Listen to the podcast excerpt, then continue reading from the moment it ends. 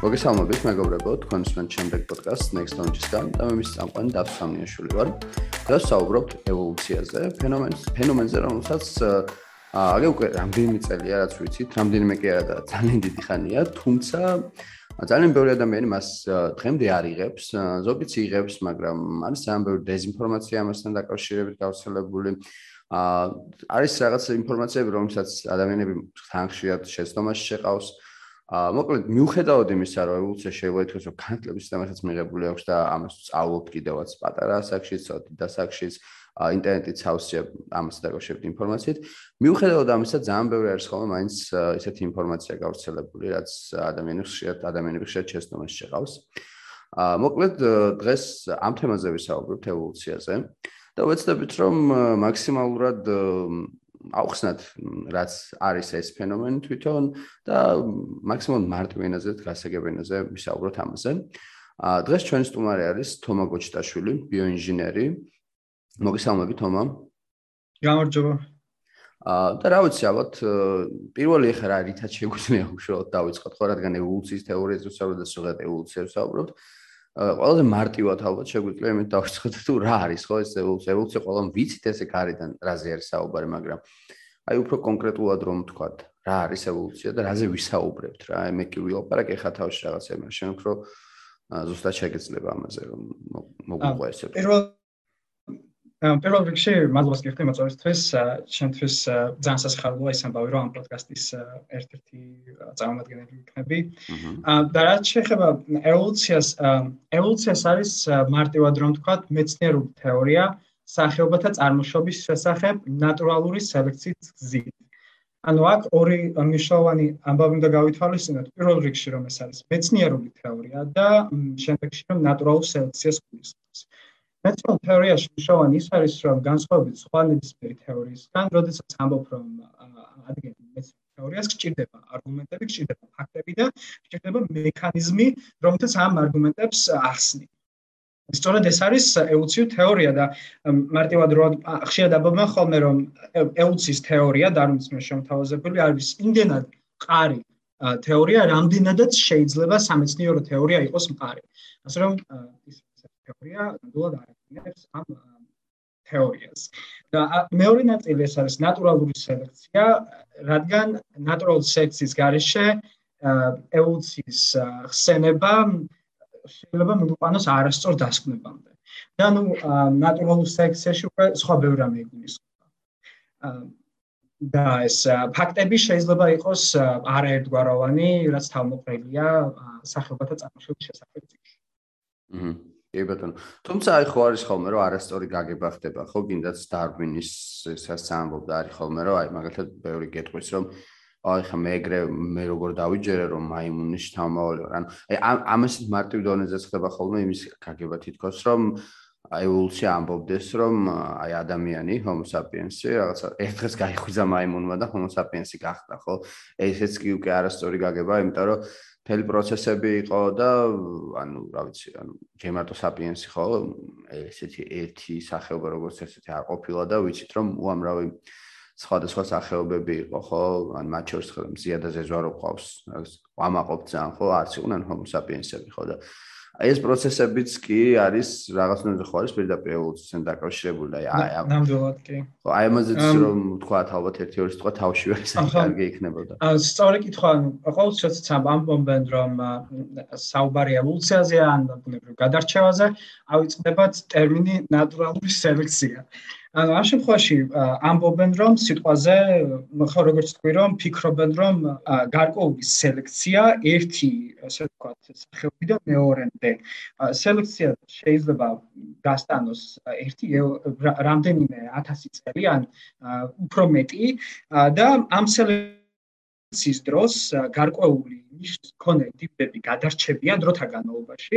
ყოველი მომდენო პერიოდი, ყოველ მომდენო ეონში თუ 1000 წლეულში უკვე ცირე ცვლილებები გაქვს და დროთა განმავლობაში ეს ცვლილებები აკუმულირდება და უკვე შეიძლება ისაუბრო ისეთ ცვლილებაზე, როგორც მაგალითად პრიმატიდან ადამიანამდე, მაგრამ რა თქმა უნდა, ეს ნახტომი არ ყოფილა. მაგალითად პრიმატისა, შიმპანზესა და ადამიანს homo sapiens ყავდა საერთო წინაპარი და იმ საერთო წინაპრისგან მოხდა გარკვეული ცვლილებები და საბოლოოდ დავცილდით ჩვენ სახეობები ერთმანეთს და ჩამოყალიბდა ადამიანები ჩამოყალიბდა შინაგან. ანუ ეს არ არის პირდაპირ ნახტომი, უბრალოდ ეს არის დროთა განმავლობაში გარკვეული ნიშნების აკუმულირება და ბოლოს დამოუკიდებელი სახეობის წარმოშობა. კი ბატონო, ხო ნამდვილად ეგრეა და აა არ ვიცი, აი ხა რაღაც ორი სიტყვით კი ვთქვით ვიკიპედიაში რაზეც საუბარ, რაზეც უნდა ვისაუბროთ დღეს, ხო და აა საინტერესოა ალბათ თვითონ ამ თეორიის და იდეის ზოგადად გაჩენა, ხო? იმიტომ რომ აი მაგალითად აა უძველეს ცივილიზაციებს არ ვქვა არასწორი თქვა მე ალბათ რო თქვა რომ უძველეს ისტორიულ წიგნებსაც რომ გადავხედოთ მოკლედ იყვნენ ადამიანები როდესაც რომლებიც რა თქმა უნდა მათ საერთოდ არ იცოდნენ ეს ფენომენი ქრისტეს შობამდე პერიოდზე საუბრობ. და არ იცოდნენ სიტყვა ფენომენი რა არის ევოლუცია ხო? არც ეს ციკლი მაგრამ იყვნენ მოაზროვნეები აი საბერძნეთში მაგალითად ანაქსიმანდრე იყო ერთ-ერთი. და იყავდა მას ესე თქვა თანამუძმეები და თანამ მოაზრეები ვიღაცები რომლებიც ისტორიულ ეს წყაროებია შემორჩენილი რომ ლაპარაკობენ რაღაც დონეზე სიცოცხლის ფორმების ცვალებადობაზე რა, რა ძალიან საინტერესოა, იმიტომ რომ აი აი მაგალითად ერთ-ერთი ჩანაწერები არის, სადაც საუბარია, რომ როგორ გაჩნდა სამყარო თუ არ მეშლება, ზუსტად ანაქსიმანდრე ამბობს მაგას, რომ აა ესე ვთქვათ, შლამი მიწა იყო და ამ მიწაში მიწიდან ამოვიდენო თევზისებრი სახეობებიო და შემდეგო ეტაპობრივად ესენი იცვლებოდნენ და მოკლედ ეს ტიპი ეს არ მოვიდნენ თუ გინდელი ჯერ კიდევ ეს არის იონელ ფილოსოფოსებს რო ეძახიან მაშინდელი მაგათი თაობის წარმომადგენელია წარმოიდგინე და ეს არისტოტელემდე პლატონამდე ბევრად ადრე. ძალიან ბევრად ადრე და ეს ადამიანი მოკლედ რაღაც ძალიან გავს რაც ლაპარაკობს რა თქმა უნდა ეს მას არ აქვს იმ დონის კვლევები თუმცა იონელ იონელ მოაზროვნეები ზოგადად პირველები იყო ის დაიწყეს როგორც ვიცით ყოველ შემთხვევაში რაღაცა ექსპერიმენტების დონეზე ცდილობდნენ რაღაცები შეესწავლოთ რა და მოკლედ ეს ადამიანი უკვე საუბრობს იმაზე რომ აი როგორ შეიძლება და სიცოცხლეს ფორმები შეეცვალა და ანუ აი ამით მოსულიყავით იმ მომენტამდე სადაც დღეს ვართ. ეგ ზოგადად ძალიან მაგიურია ჩემთვის რომ სიცოცხლე არ არის სტატიკური რა ანუ ეგ ხო ყველაფერში გავიარეთ ანუ სამყაროც სტატიკური ეგ უნდა ყველაფერში სტატიკური ეგ უნდა და აღმოჩნდა რომ არაფერი არ არის სტატიკური მათ შორის სიცოცხლე სულ მუდმივად იცვლება ეს პროცესი რა ხო და აი ამაზე თუ შეგვიძლია რომ ვისაუბროთ მაგალითად დარვინამდე და არა ის რომ აი კონკრეტულად დარვინის პერიოდში სიტყვაზე რომ დარვინამდე ხო დარვინი ხო ესე თქვა ციდან არ ჩამოსულა ხო მასაც რაღაც ნაშრომები ქონდა წაკითხული რაღაც და მოკლედ მან მოახერხა აკუმულირება ამ ინფორმაციის და მოკლედ აი ამის შეკრა მაგრამ აი იყვნენ ადამიანები რომლებიც უძველესი ადამიანები ესე თქვა რომლებიც უკვე ამას აა შეიძლება ითქვას ზედაპირულადაც ან წინასწარმეტყველებდნენ რაღაც რომელიც მე საუკუნეების განმავლობაში დაიკარგა ხო და აი ამაზე რა შეგვიძლია ვთქვათ თუ გახსენდება შენ ესეთი ადამიანები და საერთოდ აი როგორ დაიბადა რა ეს როგორ მოვედით ამ პერიოდამდე სადაც მე უკვე დარუნმა დაიწყო ამის ესე ვთქვათ შეკრა და მოწოდება ჩვენ თუ საერთოდ ინფორმაციის სახით ა ბუნებრივია ჩვენი წარმოშობის შესახებ იდეები ყოველთვის არსებობდა ყველა ვინც ალბათ მოაზროვნე იყო დასონდა კითხვას თუ საიდან მოვდივართ როგორ გაჩნდა ადამიანი რატომ არის ამდენი განსხვავებული ცხოველი და ასე შემდეგ ანუ ყოველს ქონდა განსხვავებული იდეები, იქნებოდა ეს როგორც აღნიშნე ანაქსიმანდრე, ეს ხო დაახლოებით 500 წელს.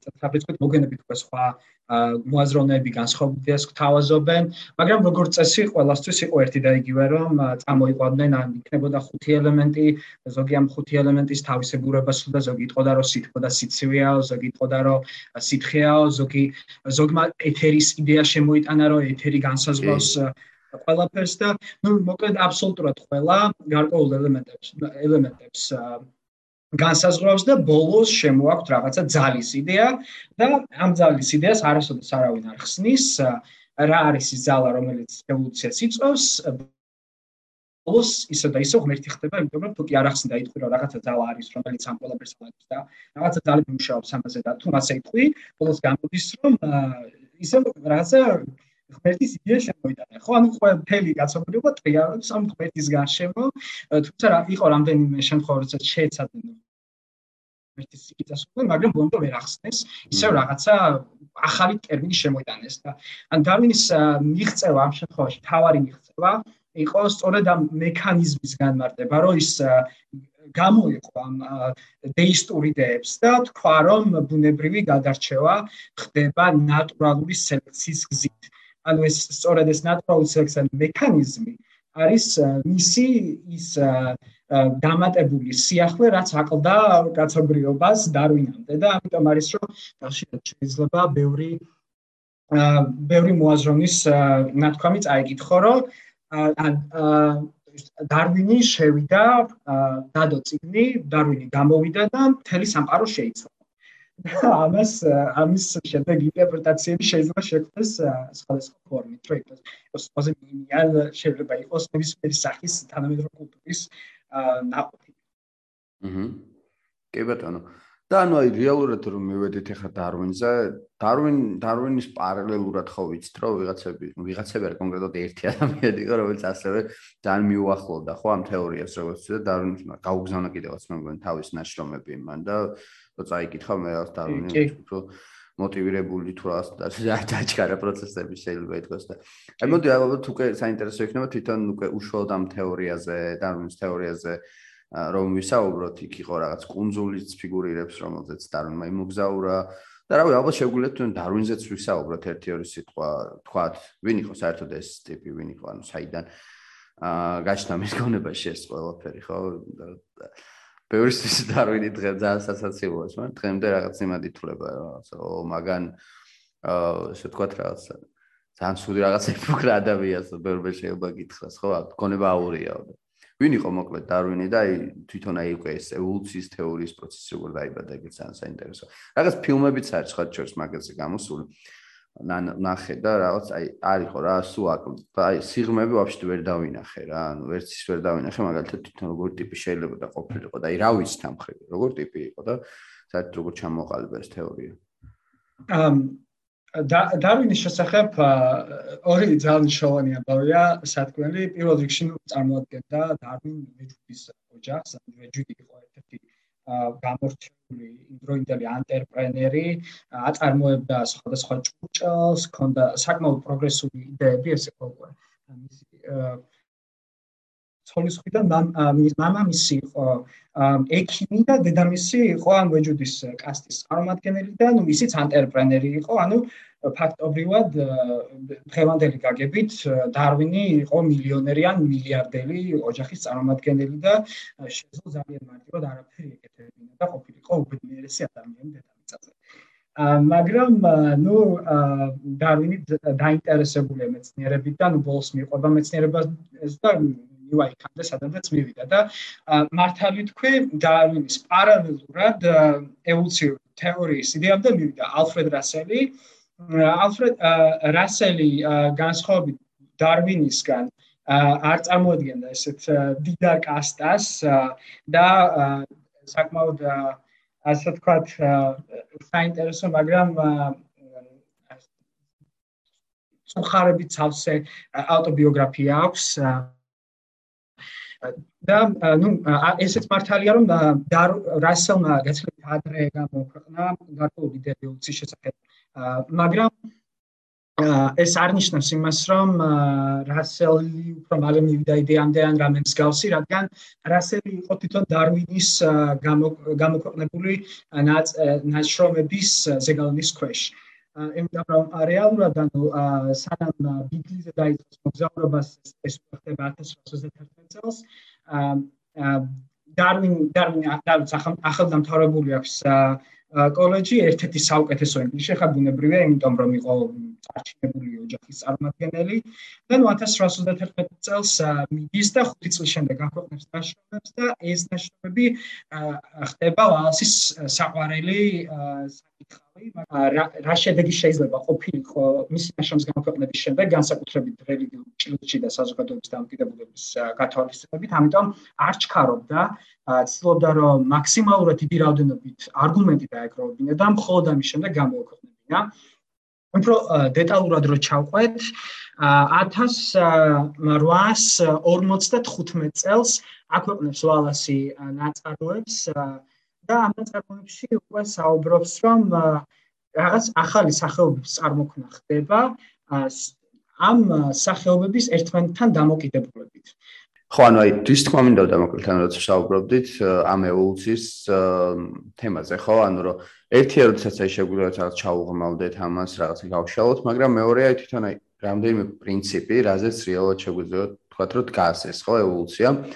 ევოლუციის თეორია. ხო, ეს რაღაცა კითხავს, რომ რა არისო ისო, რაზეც შეიძლება ეს თეორია იყოს, აი რა რა გვახსენდება ასეთ დროს, რა არის მოკლედ თავარი პრინციპები, რაც უცებ შეგვიძლია ჩამოუთავოთ როგორც სკოლის მოსწავლეს დასრულს ან ნებისმიერ ადამიანს. აი ეს ეს ეს რა შეგვიძლია ამას ვთქვა. ევოლუციის თავარი პრინციპების დაყოფა შესაძლებელია სამ ძირითად იდეად. პირველ რიგში რომ ეს არის პროცესი, რომელიც მიმდინარეობს მოდიფიცირებული თაობების წარმოშობით, ან ყოველ მომდენ თაობა არის განსხვავებული. მეორე რომ მუდმივად მიმდინარეობს ნატურალური სელექცია და მესამე რომ თაობები არიან უფრო მეტად ადაპტირებული იმ გარემოსთან, რომელშიც მათი წარმოქმნა ხდება. და ეს სამივე პრინციპი დაფუძნებულია სხვადასხვა ფაქტებზე. ну ყველაზე მნიშვნელოვანი საინტერესო ალბათ ის იქნება თუ რატო ხდება ნატურალური სელექცია და აქ დარვინის იდეები ეფუძნება მანამდე არსებული მალთუსის წამგნი იდეებს, რომ არსებობს სამყაროში შეზღუდული რაოდენობის საკვები რესურსები და ეს საკვები რესურსების რაოდენობა იზრდება არითმეტიკულად. ამის საპირისპირო პოპულაცია, ანუ მოსახლეობის რაოდენობა ან იმ ცხოველების რაოდენობა, რომლებიც მოიხმარენ ამ საკვებს, იზრდება გეომეტრიულად. ანუ ყოველთვის იქნება ისეთი პერიოდი, როდესაც არ გაქვს საკმარისი საკვები ყოველასთვის და შესაბამისად უნდა მოხდეს ამ ასე ვთქვათ ეკოსფეროში არსებულ სახეობებს შორის დაპირისპირება გარკვეული სახით ამ საკვების მოსაპოვებლად. ამის პარალელურად თუ მოხდება სხვა სხვა მხრივი შერჩევებით იქნება ეს მტაცებლის არსებობა, იქნება ეს კატაკლიზმა თუ სხვა, მაშინ ეს ნატურალური სელექცია უფრო და უფრო მეტად გაძლიერდება. და დღის ბოლოს შენ დაგვხდება მხოლოდ ის სახეობები, რომელთაც რომლებიც უფრო მეტად არიან შეგუებული, რომელთაც აღმოჩნდება უფრო მეტად ძლიერები გადარჩენის გადარჩენის.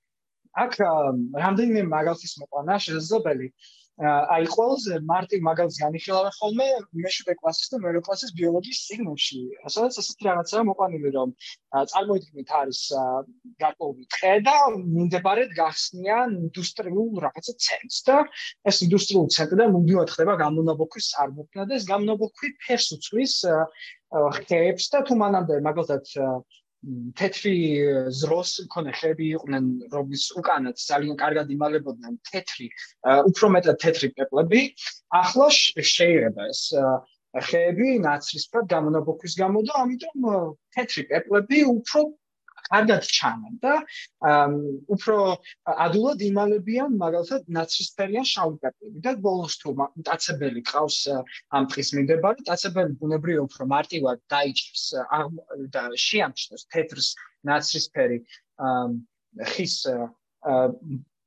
უკან ვიდრე მაგალითად ნაცრისფერს რომელიც უფრო მარტივად დაიმალება ხო და რამდენიმე თაობის შემდეგ აღმოჩნდება, რომ თეთრი პეპლები ფაქტობრივად პოპულაციაში აღარ არიან, ან ძალიან მცირე რაოდენობით არიან, უმეტესობა არის ნაცრისფერი და ნუ დამკვიდრდა ეს ნაცრისფერი ნიშანი თაობათა განმავლობაში თუ სხვანაირი ასე ვთქვათ სელექცია მოხდა, კიდევ დამატებითი ცვლილებები მოხდება და საბოლოოდ დამატებითი რაც უმეტი ცვლილება დაგვედება უფრო მაღალ ტაქსონომიური მაღალ ტაქსონომიური ერთეულის სულობა მოხდება შეიძლება დაგვხდეს ახალი სახეობა ან თლიანი ერთი ფერის სახეობა და ასე შემდეგ. ანუ ანუ რეალურად შეგვიძლია ვთქვა რომ ეგენი არის რეალურად რაზეც პირდაპირ დგას ხო ანუ რაც არის ის power პრინციპები ალბათ, ხო? ხო, ანუ ასე გამოდის, რომ ბოლოს ეს ეს არის სამი ძირითადი power პრინციპი და ბუნებრივია ეს ნაცისტერი პეპელა აღმოჩნდება უფრო მეტად შეგუებული. ხო, ანუ მოხდა სამი მოვლენა. პირველ რიგში რომ ამ პეპლებმა დატოვეს თანმავლობა, მეორე რომ მოხდა ნატურალური სელექცია, ანუ დაცებელმა უფრო მე ადულად მოიპოვა განსხვავებული შეფერილობის მქონე პეპლა და მესამე რომ მოხდა ადაპტაცია, ანუ გაჩნდნენ პოპულაციაში უფრო მეტი რაოდენობის ის პეპლები, რომლებიც უფრო ადულად ერგებიან გარემოს. მაგრამ აქ ადაპტაციასთან მართები ერთი მნიშვნელოვანი ამის გახსენება საჭირო რომ ადაპტაცია არ გულისხმობს კონკრეტულ გამისულებას. ეს არ არის ფერისულება ან უფრო მეტად ძლიერი სახეობის წარმოქმნა. ადაპტაცია გულისხმობს ნებისმიერ რამეს, რამაც შეიძლება დასაბამი მისცეს სახეობის შეგუებას გარემოს. ნებისმიერ ამის. ანუ არანაირი საზღვარი არ არსებობს. შეიძლება მოხდეს პირიქით უკან წასვლა, ატავისტურ ატავისტურ ნიშნად ჩამოყალიბდეს გარკვეული ნიშანი და ასე თქვა დაპატამოს ის ნიშანი ან მნიშვნელობა დაკარგოს და სადაც დაკარგოს ორგანიზმმა ეს ნიშანი და ასე შემდეგ. აჰა კი ბატონო. ხო და იცი რა გამახსენდა ახლა უცებ რა აი თვითონ პრინციპებთან შეფასებაში შეიძლება მაგრამ იდეის დონეზე რა აი მაგალითად აა ანუ აი ხო არის ხოლმე ეს მომენტი რომ ამბობენ რომ ანუ ჩვენ თითქოს ვერ ხედავთ ამ პროცესებს ხო და ეს ამას შეიძლება უამრავი წელი და მთელი ამბავი და რეალურად აი ვირუსების შემთხვევაში ხოლმე რაც ხდება რა გინდათ აი კორონას შემთხვევა რო განვიხილოთ ანუ ეს მუტაციები რო და ზოგადად რო იცვლიან ფორმებს ხო ან ბაქტერიები და ზოგადად ეს რაღაც მათი ფორმების ცვლილება ანუ იდეა ხო ეს არის რომ მანდაც ხო იდეა ეგა ერთი გადის ერთი შეგვიძლია თქვა არის რომ პრინციპი არის იმაზე, რომ ისინი ცდილობენ გადარჩნენ და როდესაც ხედავენ რაღაც დაბრკოლებას, ცდილობენ ფორმები შეიცვალონ და მათ მათთვის ეს უბრალოდ ბევრად სწრაფად ხდება, ხო? შეგვიძლია ეგრე ვთქვათ, ხო? ან გინდათ ახალი შტამები რო ჩდება და აი ამის დაკავშირება რა კუთხით შეგვიძლია ევოლუციის პროცესთან და როგორ შეგვიძლია ვთქვათ, რა შეგვიძლია ამაზე ვთქვათ და ის ძალიან საინტერესოა, რომ რატო ხდება ესე დაჩქარებულად ამ შემთხვევაში და არ ხდება ისე ნელა მაგალითად როგორც გინდას ჩვენ სახეობის შემთხვევაში მოხდა ეს. აა ძალიან კარგი კითხვა.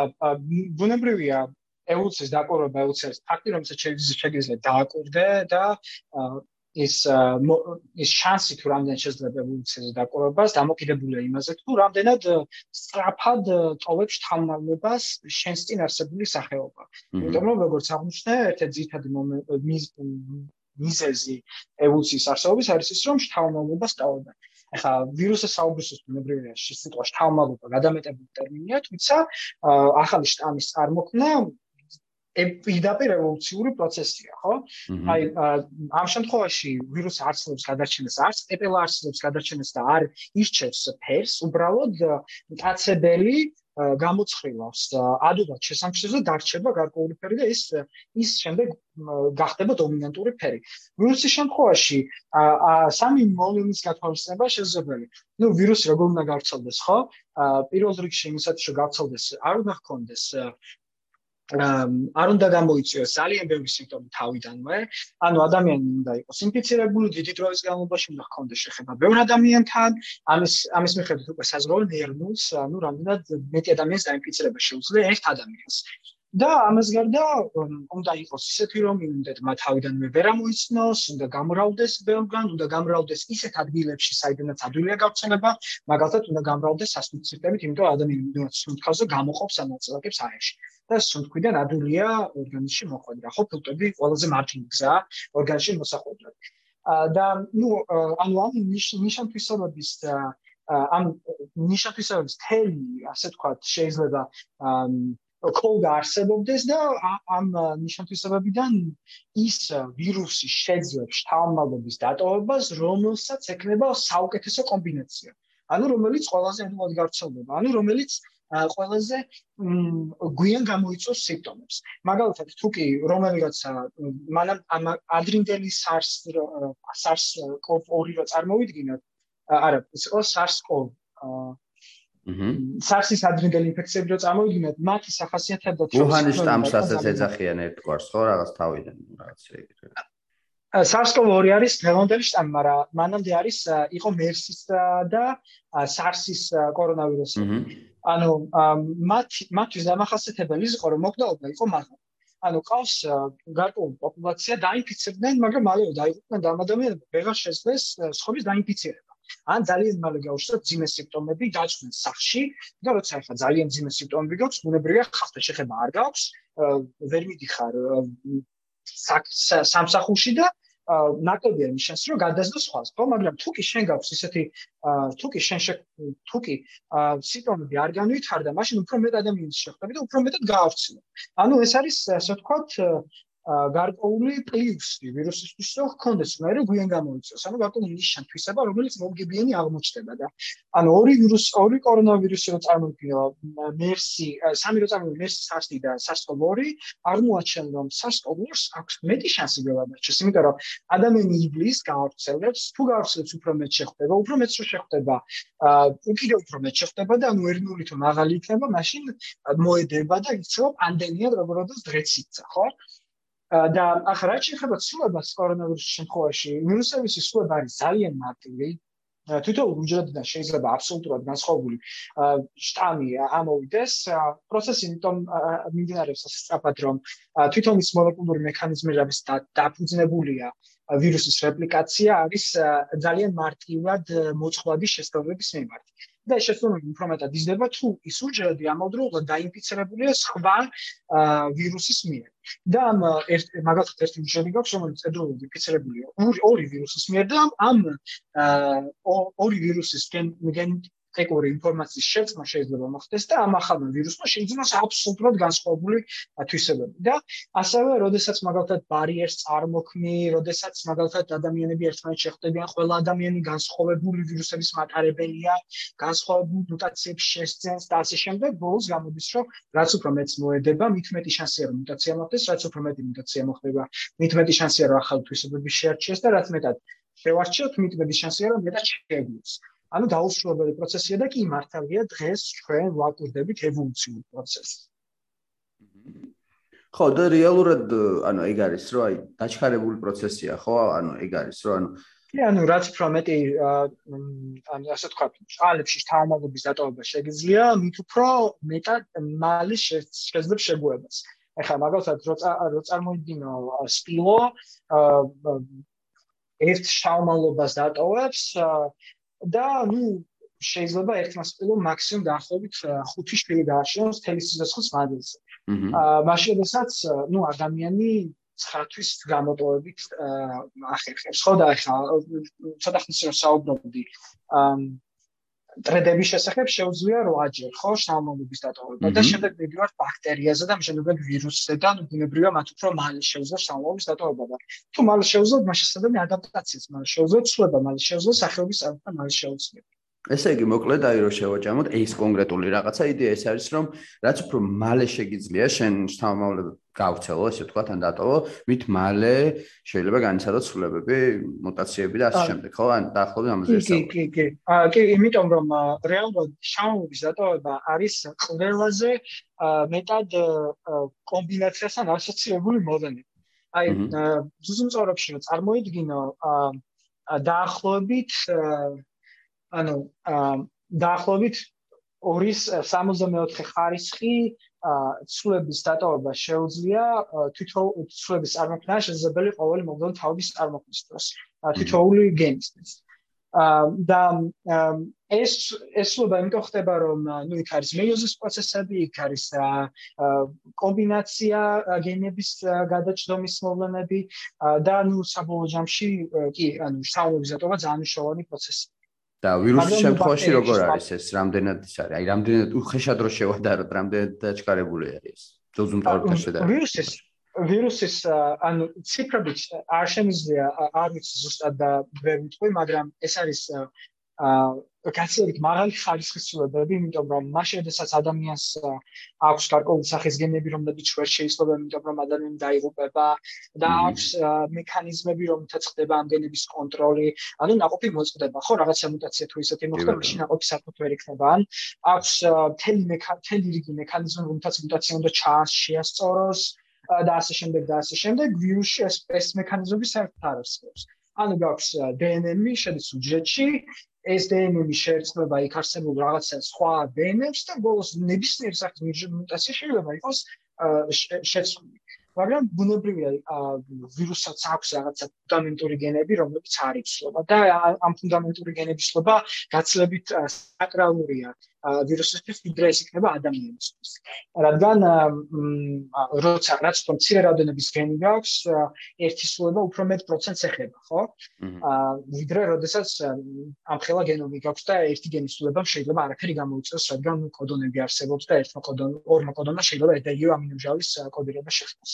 ძალიან საინტერესო, კი, ნამდვილად, ძალიან საინტერესო იყო ეს და ხა უბრალოდ ამაზე რო საუბრობთ, კაკრას იმაზე წამიყვანა რა, ანუ ეს სახეობების მრავალფეროვნებაზე რა.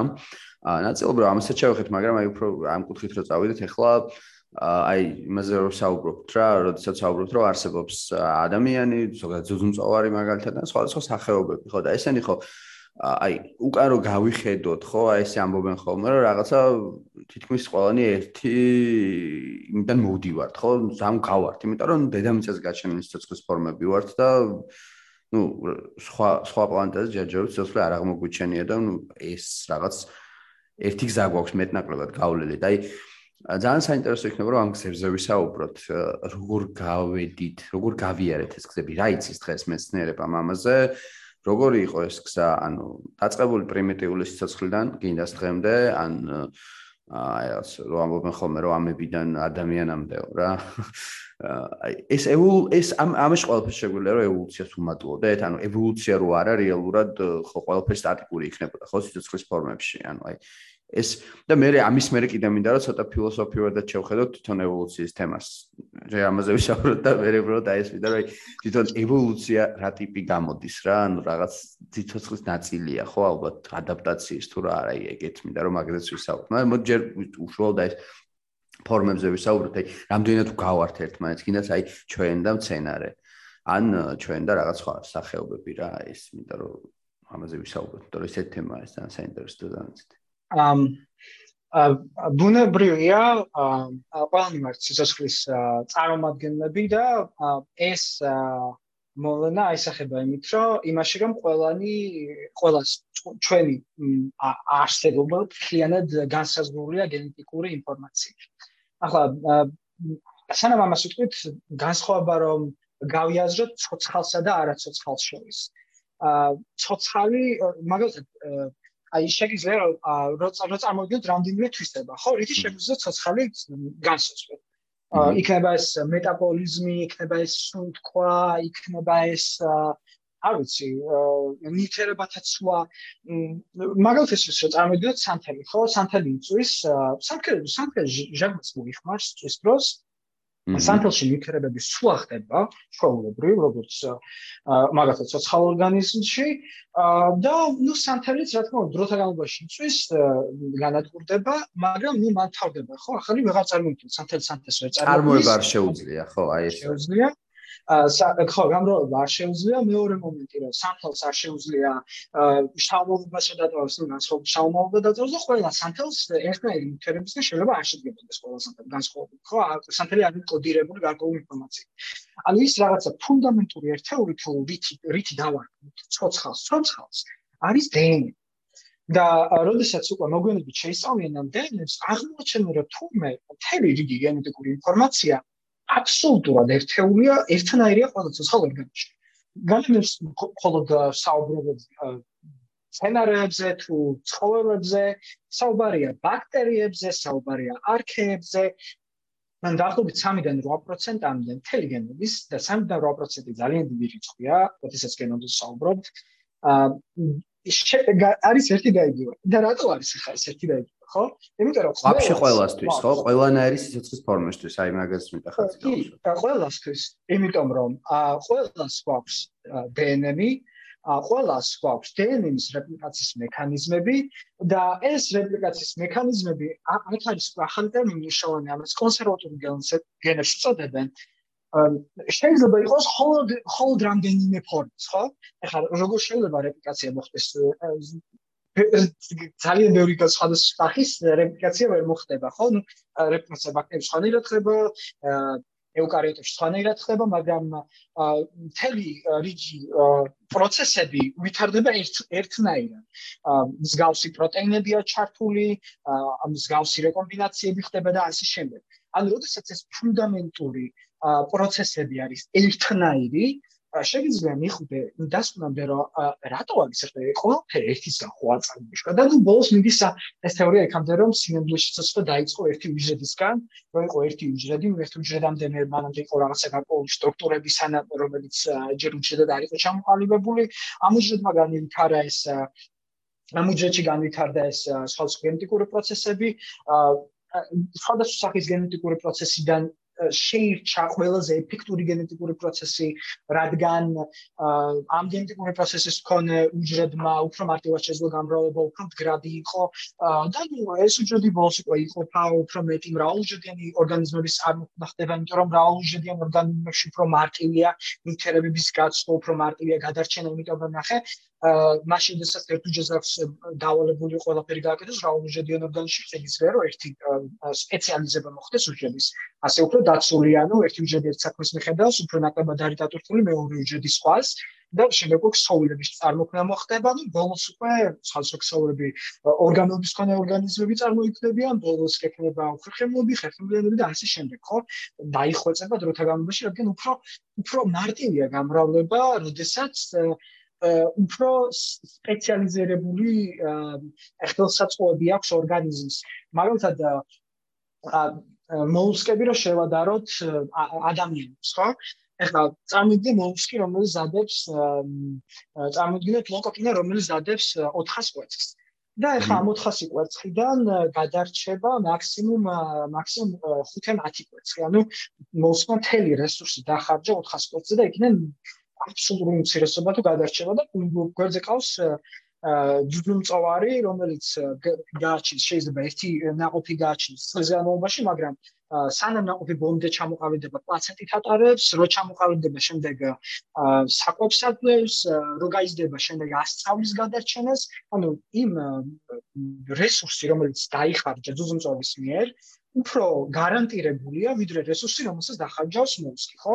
და ეს არის ძალიან დიდი განსხვავება, მაგრამ უფრო ნაკლებ დონეზე რო ჩამოვიდეთ, შევადაროთ მაგალითად აა შევადაროთ მაგალითად აა ჩანთოსნები ძუძუმწოვრებს, ხო? ხა ჩანთოსანი საკუთარ ნაყოფს ატარებს ჩანთაში აა მას შემდეგ რაც მოხდება დაბადება გარკვეულ პერიოდში, ხა ჩანთაში გასული ნაკლებად ხა დაცული, ვიდრე ვიდრე ორგანიზმი დაცულია ბუსის გულში, ხო? ანუ აი აი ძალიან პატარა დეტალები, მაგრამ დროთა განმავლობაში დეტალები იხვეწება და იხვეწება და უფრო მეტად შეგუებული ხა. ბუნებრივია თევზი ვერ შეძლებს ხმელეთზე ცხოვრებას, მაგრამ ქვეწარმავალი შეძლებს. იმისაც რომ ქვეწარმავალმა შეძლოს ხმელეთზე ცხოვრება, გარკვეულ თავისებურებები უნდა გაჩნდეს. თუმცა მანამდე კიდე არის რაღაცა ცვლილებები ამფიბია, არ არსებობს ორგანიზმები, რომელსაც თანაბრად შეუძლიათ ხმელეთზე და წყალში ცხოვრება. ან ეს არის ეტაპობრივი განვითარების მომენტები და განვითარება ხდება, იმიტომ რომ მუდმივ თაობა შეგუებულია. განვითარება კიდევ ხდება, იმიტომ რომ წირია საკობი რესურსები და როდესაც საკობი რესურსები შენ არ გაქვს მისწრაფი ახალ ტერიტორიებისკენ, ახალ ტერიტორიებში უფრო მარტივია განვითარება. და აქ ახლა კიდე ახალი ტერმინია საჭირო ნიშა ეკოლოგიური ნიშა. წარმოიდგინე რომ გაქვს რაღაცა ბიოსფერო და ამ ბიოსფეროში თვითონ თვითონ წარმოადგენს აქვს გარკვეული ნიშა და საკობის ჯაჭი და ეს გარკვეული რაოდენობის საკობის საკმარისი. მაგრამ ნუ ყველასათვის გარკვეული ყოველ მოდენთაობა უფრო მეტაობას წარმოქმნის და საკობი ცირდება რა დროთა განმავლობაში და ხა ერთადერთი საშუალება რაც შეხება აქვს რომ აითვისონ ახალი ნიშები ხო? როდესაც მაგალითად ერთ აუზში უფრო ნაკლები საკვებია ვიდრე განაპირას სადღაც სხვა ადგილებში ბუნებრივია სახალ დროთა განმავლობაში საიწყებენ იქ გადასვლას და აითვისებენ ახალ ნიშას. ახალ თვისის ნიშას თუ აითვისებენ თუ განვითარდება ახალი ნიშები მაშინ მაშინ მოხდება ფაქტორად სახალობის აფეთქება ხო? იმიტომ რომ წასებელი არ ხავს აპირობებს ერთადერთი ამის პირობებს შეეგუო და ანუ მოედება მთელ ტერიტორიას და ასე მოხდა მაგრამ ართროპოდების შემთხვევაში ართროპოდების შემთხვევაში შესაძაც მას მათ აითვისეს ხმელეთი და ეს პირველები რომელთაც ხმელეთი აითვისეს. ანუ შემდეგ უკვე გაქვს ახალი ბიოსფეროები, ეკოსფეროები, გეოლოგიური სფეროები, რომელთაც ითვისებენ ეს ცოცხალი ორგანიზმები და ბუნებრივი ამ ერთმანეთთან დაპირისპირების პარალელურად და თან სელექციის პარალელურად ხდება ეს ყველაფერი და აი რა შეიძლება ბოლო კითხოს თუ რამდენი პროცენტია განსხვავება შეიძლება რომ მაგალითად დაახლოებით 50% გენი იყოს გენური თომას 50% ერთნაირი იყოს ცხოველსა და მცენარეს თავისუფლად იმიტომ რომ გენეტიკური ინფორმაცია იქაც არის იქაც არის თუმცა ეს იმას არ ნიშნავს რომ ეს მას არნიშნავს რომ ერთმანეთს გვანა. ო ეხლა ცხოველ ცხოველ სცენარის ჰიბრიდი შეიძლება არ იყოს.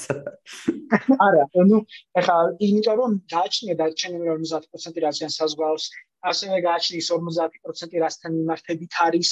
ეხლა თუ მაგალითად შენ გაქვს 100 გენი და იმ იმ 100 გენის 50% ერთნაირი, მაშინ ჩვენ საუბრობთ ფუნდამენტურ კონსერვატულ გენებზე, ხო? ანუ თუ ესე ცოცხალი და თუ ეს თუ ეს დენ თუ ამას დენი მიაქვს, მაშინ ეს 50% შეიძლება მხოლოდ და მხოლოდ დენების ფუნქციონირებაზე იყოს პასუხისმგებელი, მაგრამ თუ ადამიანი თუ ორცოცხალ ორგანიზმს, რომელსაც ერთმანეთის გენის გენოფონდი ძალიან მსგავსია, მაგალითად შევადაროთ შიმპანზეები და ადამიანები, აღმოაჩენთ, რომ 98.8% გვაქვს საერთო შიმპანზეებთან და ეს არის ძალიან დიდი რიცხვი და ბოლოს ხდება კითხვა, რომ როგორ შეიძლება ცოცხალ ორგანიზმს სამხედრო მსგავს მსგავსი ამ მსგავსება ჰქონდეს გენეტიკური და ამ სამხედრო განსხვავება გენო გენოფონდი მსგავსი იყოს და ნუ ანუ 1 1.2%-ია, ხო?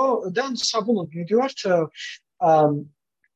ანუ საშუალოდ მიდივართ 25 მილიონ განსხვავებამდე, რადგან თითოეული უჯრედი შეიცავს დაახლოებით 3 მილიარდ ნუკლეოტიდურ წყვილს. ერთ ჩაგიკითხები, ბოდიში, ერთ ჩაგიკითხები, ანუ შენ თქვი 1.2 სადღაც განსხვავებაო და ამაში შედის ამ 1.2-ში არის ეს რამდენიმე მილიონი განსხვავება 25 მილიონი 25 მილიონი ნუკლეოტიდური ცხოველის ცხოვრება კი ვა რა მხოლოდ ციფრებია ხო იმიტომ რომ ნუ ასეთი რაღაცა შედარება იყო ადრე მოყვანილი რომ ანუ დაახლოებით ადამიანის დნმ-ი რომ ჩავწეროთ ციგნებზე დაგჭირდება 175 გიგანტური ციგნი 262000 გვერდი და და ასე შემდეგ. ანუ საუბარია ძალიან დიდ რიცხვებზე და ნუბნებრივია ხა ერთ დაუპროცენტი ძალიან ბევრს ნიშნავს მაგრამ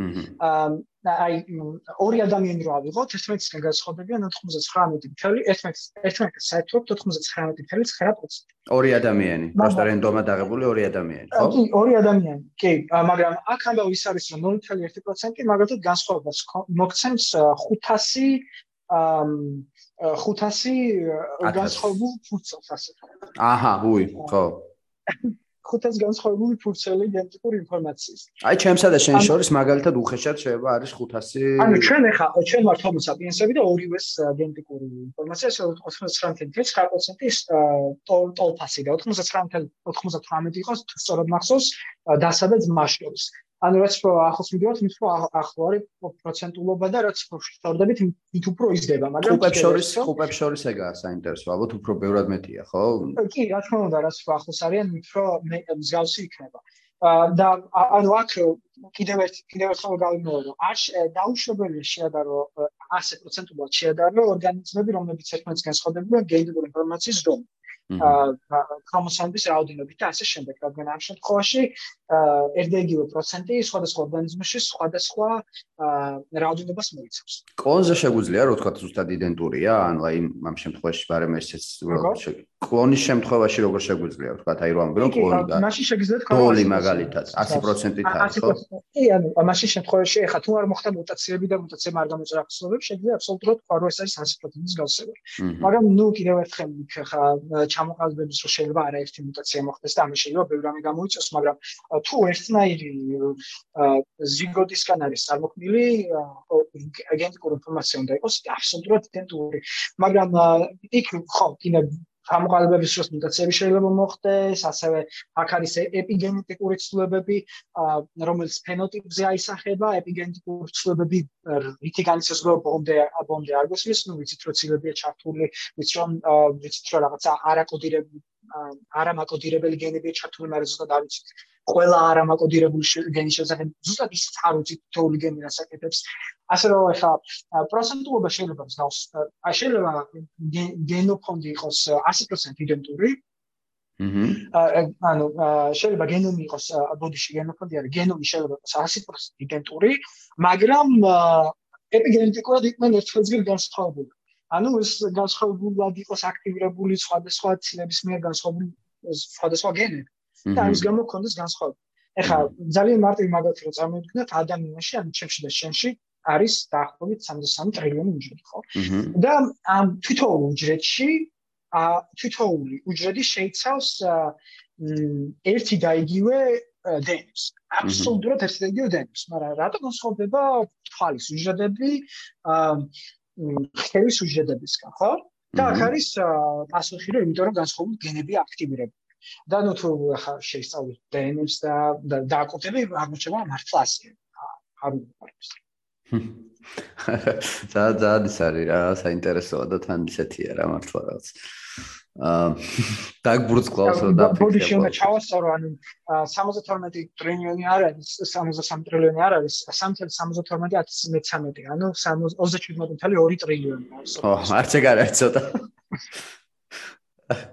დავდივოთ ხო და აა რა არის ახლა აი ამაზე ვისაუბრეთ და ცოტა იმასგან წავედი მე რა თუ ახსენე კიდევ ამ ამ შეკითხვის თავში ვთქვი რომ მეთქე ეს რაღაცა ფილოსოფიურად რო შევხედოთ ხო რა ანუ აი თვითონ ის ევოლუციის თემა რა ანუ რა შეგვიძლია დავარქვათ ევოლუციას? ანუ აი ცოტა მხატვრულადაც რო შევხედოთ, არ ვიცი, ანუ ვინ არის ვაფშე? ანუ სიცოცხლის პროცესის ის არის, ანუ თანამგზავრია, რომელიც ალბათ ყველა პლანეტაზე არსებობს, სადაც სიცოცხლეა, აი რაღაც როგორ წარმოგიდგენია შენ ხა, ანუ ანუ ხო ვერ იქნებოდა ისე ალბათ რომ ძალიან ჰიპოთეტურად ვსაუბრობთ ახლა როდესაც ვსაუბრობთ მესმის ეს რომ უცხო ცივილიზაციები მაგათ რაღაც რომელიღაც პლანეტაზე რაღაც სიცოცხლე არსებობს ხო? ნუ მე მგონია რომ უეჭველი არსებობს შეიძლება ძალიან ბევრიც ჩვენ უჯრედების რაოდენობა რამდენი ის გოშება მაგდე სიცოცხლეც არსებობს დელს უსასრულო სამყაროში მაგრამ მოკლედ ანუ აი როგორ წარმოგიდგენ ეს ევოლუცია ყველგან იქნება და ანუ სიცოცხლის ნაწილია ხო ალბათ ეს? აი სიცოცხლე წარმოგვიდგენია სიცოცხლე წარმოგვიდგენია შეიძლება იყოს სიცოცხლე ევოლუციის გარშე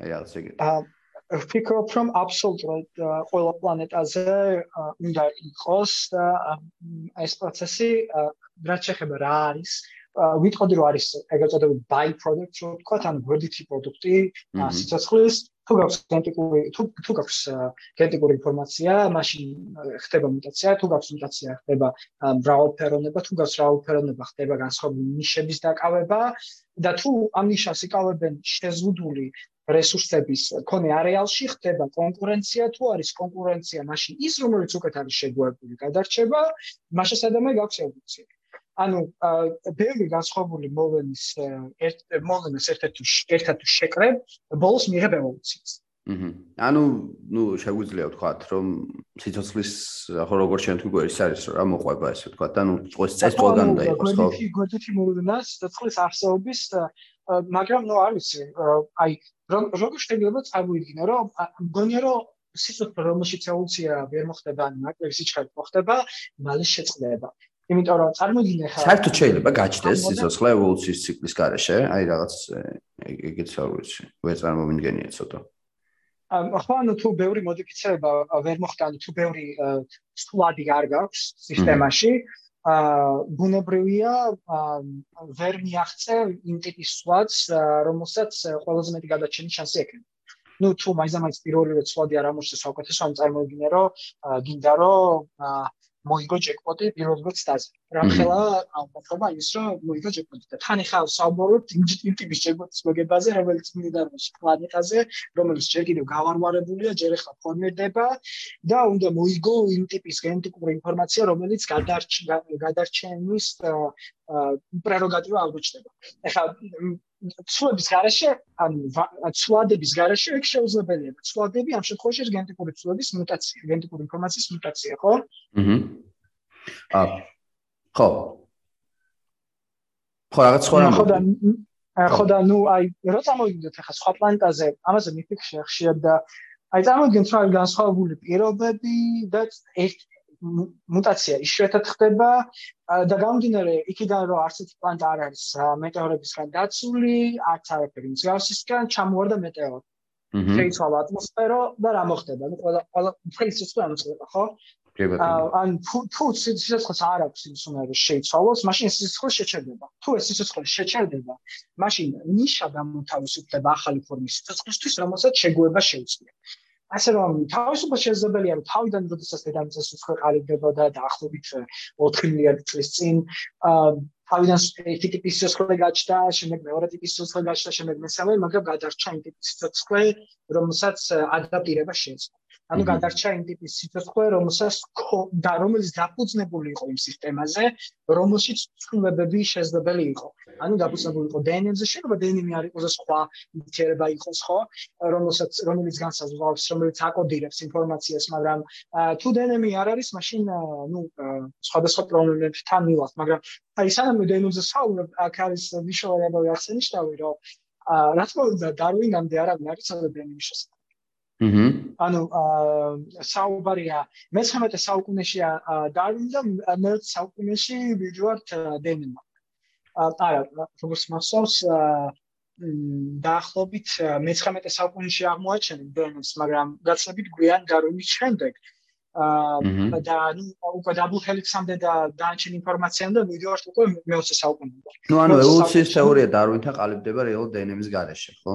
ხო ანუ დავინი არის დავინი ამბობს რომ და თავისუფლად შეს როგორც ის ციგნის ბოლოს ასე სამეს ამბობს რომ მე არ ვიცი ანუ კონკრეტულად რა განსაზღვრავს ანუ მე არანაირი არგუმენტი არ მოცე თქვა რომ არსებობს რაღაცა რაც ამ ამ ნიშნის გადაცემას იწევს და სულს კითხავს რომ საკითხავია მეტად რა არის და შემდეგ სხვა სხვა სხვა კითხვებსაც ჩამს ანუ საკითხარ თავთან მიმართები დავინი არ ამბობს რომ ეს არის აბსოლუტური.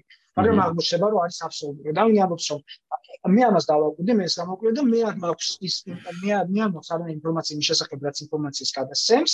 მე არ მაქვს არანაირი ინფორმაცია იმის შესახებ, რაც მაგალითად სხვადასხვა სახეობებს შორის არის. ხო, ხა მაშინ პალეონტოლოგი ინდონეზია არის განვითარებული. მაშინ carbon dating so ეძახიან ანუ ნახშირბადის იზოტოპის მიხედვით დათარიღების მეთოდები არ არსებობდა. ხო, ზუსტად ეს დათარიღების მეთოდები მაშინ არსებობდა და არ შეიძლება თქვა და მსგავსი რაღაცა მაშინ არსებობდა და ამ კითხვებს სვავს და ნუ ეს კითხვები უკვე დღევანდელ თაობაში ასოკაცემულია დღევანდელ თაობაში უკვე დეტერმინირებულია.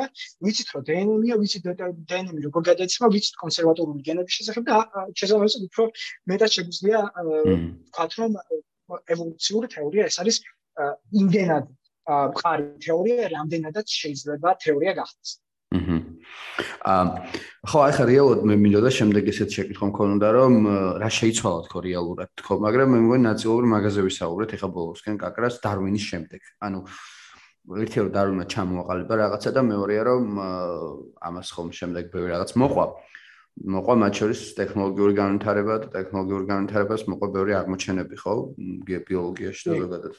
და აი ამ ხრივ ამ ხრივ ძალიან ის არის რა, ანუ საინტერესო რომ თუ არის რამე ისეთი რაც შეგვიძლია კიდე დავამატოთ ამ კუთხით, რომ რა ხო რა შეიცვალა ამ ხრივ რა რა მოიმოვა. აი ფიქრობ ყველაზე საინტერესო თანამედროვე ეპოქაში ის არის რომ შეგიძლია ევოლუციურ თეორია გატესტოს სახში. აჰა. დაინტერესებს სვენელს სვენელს აინტერესებს ჩათვალე ხო ნირო გავადა თასი და ავანტებს უნივერსიტეტში ამოწმებს ჩემშემდეგ უფრო გადაგები თუ არის თორემის მაგრამ ანუ ევოლუციური თეორია არის ფუნდამენტური პროცესი რომელიც დაკუზებულია გენეტიკურ ინფორმაციაზე შესაძლოა აბსოლუტურად ყოველ ცოცხალ ორგანიზმს აქვს გენეტიკური ინფორმაცია ექვემდებარება ამ პრინციპს და ყველაზე ყველაზე მალე რომელი ორგანიზმი ცელდება და რომელიც ყველაზე უსაფრთხოა, შეგვიძლია ვთქვათ, რომ ეს ბაქტერია, მაგრამ დაავადების არ გამომწვევი ბაქტერია, ანუ არაპათოგენური ბაქტერია. მარტივ ექსპერიმენტში შეიძლება ჩატარო ეს, რომ დღევანდელ დღეს შეგვიძლია დამტკიცო ევოლუცია. საქმე ესე შენთვის, ხო? წარმოიდგინე გაქვს აგარი, ანუ საკვები ნიუტრიენტება, მაგარი როგორ უნდა დაამზადოს შეგვიძლია მოიწენ კენჩი, წეს რასაც ახლა მე ვაკეთებ ამ და ვაკეთებ რადგან ანუ თუ იმ ჩატარებს ამ ექსპერიმენტს, ყველანაირ ზონის კეთილს რა ზომი უნდა დაიცვათ. Ну წარმოიდგინე გაქვს აგარი ან საკუთი ნიუტრიენტება რომელსაც მოათავსეთ პეტრის ჯამში. და ამ წარმოიდგინე რომ გაქვს დიდი მაგიდან აგარის და ამ მაგიდაზე ყოველ სანტიმეტრზე ანტიბიოტიკის კონცენტრაცია ზრდი ანტიბიოტიკი ეს არის ტოქსიკური ნიუტრიენტება რომელიც ბაქტერიის ან გარკვე პროტეინის დაბლოკავს ან ციტოპლაზმის დაშლას გამოიწვევს ან დნმ-ის დაშლას გამოიწვევს ან ასე შემდეგ ასე შემდეგ. ანტიბიოტიკი არის მოკლედ ნიუტრიენტება რომელიც ანადგურებს ბაქტერიებს რომ რომელს არაშიც ბაქტერიებს არსება არ შეუძლია. მაგრამ მე ხელ შენ წარმოიდგინე რომ ნულოვან ზონაში ამ ზონაში სამ ანტიბიოტიკები არის დათესე ბაქტერია და შემდეგ აქვს მაგიდა და ყოველ მომდენო სანტიმეტრში ანტიბიოტიკის კონცენტრაციის ცვლი და ასე სხვადასხვა ანტიბიოტიკი აქვს. თავიდან რა მოხდება რომ იმ ნულოვან ბარიერში გადაივსება იქაურობა ბაქტერიები. ნუ ბაქტერიები მოედებიან ამ დიშას, საკობინითერება აქვს, გამრავლდებიან უსასხლოდ და ნუ ბოლოს რაღაც მომენტი შეექმნება, რომ ამ აღარ არის საკმაოდ ნიუტერებელი, ნუ ამას ხო black puzzle-ს ეძახიან, რაღაც ასე შეიძლება სხვა ტერმინები, მაგრამ დავისყო ტერმინები და ნუ მოკლედ სტაციონარულია პოპულაცია, ანუ რაოდენობა ბაქტერიების აღარ იცოდა, მაგრამ აღმოაჩენ რომ დროთა განმავლობაში ამ ბაქტერიებიდან გამოჩნდება რაღაცა სხვადასხვა გამოკლებელი ბაქტერიები, რომლებიც დაიწყებენ პირველი სანტიმეტრის ათვისებას. ანუ ანტიბიოტიკის მიმართ ამ პოპულაციაში ერთ-ერთი აღმოჩნდება რეზისტენტული. როგორც კი ეს რეზისტენტული სახეობა დაიწყებს განვითარებას ანტიბიოტიკის გასაგებად აკლები რაოდენობა პირველ პირველ სანტიმეტრში, მაშინ მოიდება იქაურობას. ხო თუ კი ნიშანთვისება აქვს შეგუების, აა შეგუების მაშინ მაშინ აიქცევს კლიანტ ნიშას და იგივე მოხდება რომ სულ ზონაში კლიანტ აიქცევს. მომდენ ამ ერთ პირველ სანტიმეტრში ასევე გამოჩნდება ერთი პოპულაცია, რომელიც მომდენო სანტიმეტრში გადავიდა ის რამდენიმე საათში აღმოაჩინა ან რამდენიმე დღეში აღმოაჩინა მთელი მაგიდა გადაიქცა. ანუ რა მოხდა? ანუ ქონდა პოპულაცია რომელიც აბსოლუტურად დაიყო ანტიბიოტიკების მიმართ, მაგრამ ამ პოპულაციაში გამრავლების შედეგად გაჩნდა მუტაციები, მუტაციის შედეგად გაჩნდა ახალი თვისება, რომელიც განაპირობა ბაქტერიის მდგრადობა. ამ და როშიადა რომ შემდეგ უკვე და ნუ ეს ბაქტერია ბოლსკო მოედება მთელს მაგიტეს და ყველა მომყოლ სანტიმეტრში აბსოლუტურად განსხვავებული გენეტიკური ინფორმაციის ბაქტერია გექნება და შეგიძლია თქვა რომ ეს არის ერთი სახეობის ბაქტერია, ეს მეორე სახეობა, ეს არის მესამე სახეობა და ასე შემდეგ. ანუ შეგიძლია რომ დღეს დღეს აი გუშინდელთან შედარებით შეგიძლია რომ დაამტკიცო ევოლუციურ თეორია თეორია საკუთარ სახში. ანუ ევოლუციურ თეორიის სამი პრინციპი რომ რომ აა შთამომავლობის გადაცემა ხდება, ანუ ყოველ ბაქტერია დათხოვს იმდენ შთამომავლობას, რომ ყოველ მოდელში შთამომავლობა უფრო მეტად შეგვებული იქნება და რომ ხდება სელექცია, რომ ის ის სახეობა გადარჩება, რომელიც მეტად შეგვებული იქნება ანტიბიოტიკს. უ მაგარია. ჩაინიშნეს, მაგრამ ჩაინიშნეთ შეგიძლიათ თუ ისეთი არა ანუ ახლა ბუნებრივია ამ ექსპერიმენტის ჩატარების საერთოდ და როგორც წესი? ადამიანს როდესაც დამთავრებული აქვს სკოლა, ინფორმატიკის კლასის გამხება ვისაც აქვს, მეტლაგებად ეს სკოლის პროცესები ეს დეინინის რა არის გენის ბაქტერია როგორ ვალდება ის რომ ბაქტერიის აკენები ეს ამ ამ იდეამდე შეიძლება მარტივად იხდე უბრალოდ პრობლემა ის არის რომ ეხლა რაც ხო ბუნებრივია ბუნებაში ხდება და არის დღეს ერთ-ერთი ყველაზე დიდი პრობლემა. ანუ ამას ეძახით ბაქტერიულ რეზისტენტობას. ანუ მაგალითად, ადამიანს აქვს ბაქტერიული დაავადება, მაგრამ ვიყენებთ ანტიბიოტიკს და ეს ანტიბიოტიკი აღარ მუშაობს. იმიტომ რომ ამ ამ ფორმაციას დაავადებული ან ანტიბიოტიკით, რომელიც უკვე უკვე შეგუებულია ამ ანტიბიოტიკს. ან ამას ანტიბიოტიკურ რეზისტენტობას ეძახიან როგორც რა ძალიან დიდი პრობლემაა ზოგადად მედიცინაში. ის სერიოზული პრობლემაა, ყოველდღიურ წელს უფრო დიდი პრობლემა იქნება, იმიტომ რომ ბუნებრივი ბაქტერია უფრო მალე იგუება ვიდრე ჩვენ შეგვიძლია ანტიბიოტიკების წარმოება. და ნუ ამბობენ რომ 2050 წლისთვის გაცილებით მეტი ადამიანი დაიღუპება და სერიოზული პრობლემაა და სასწაულად ჭირდება ტექნოლოგია, რითაც ამას გადავჭრით.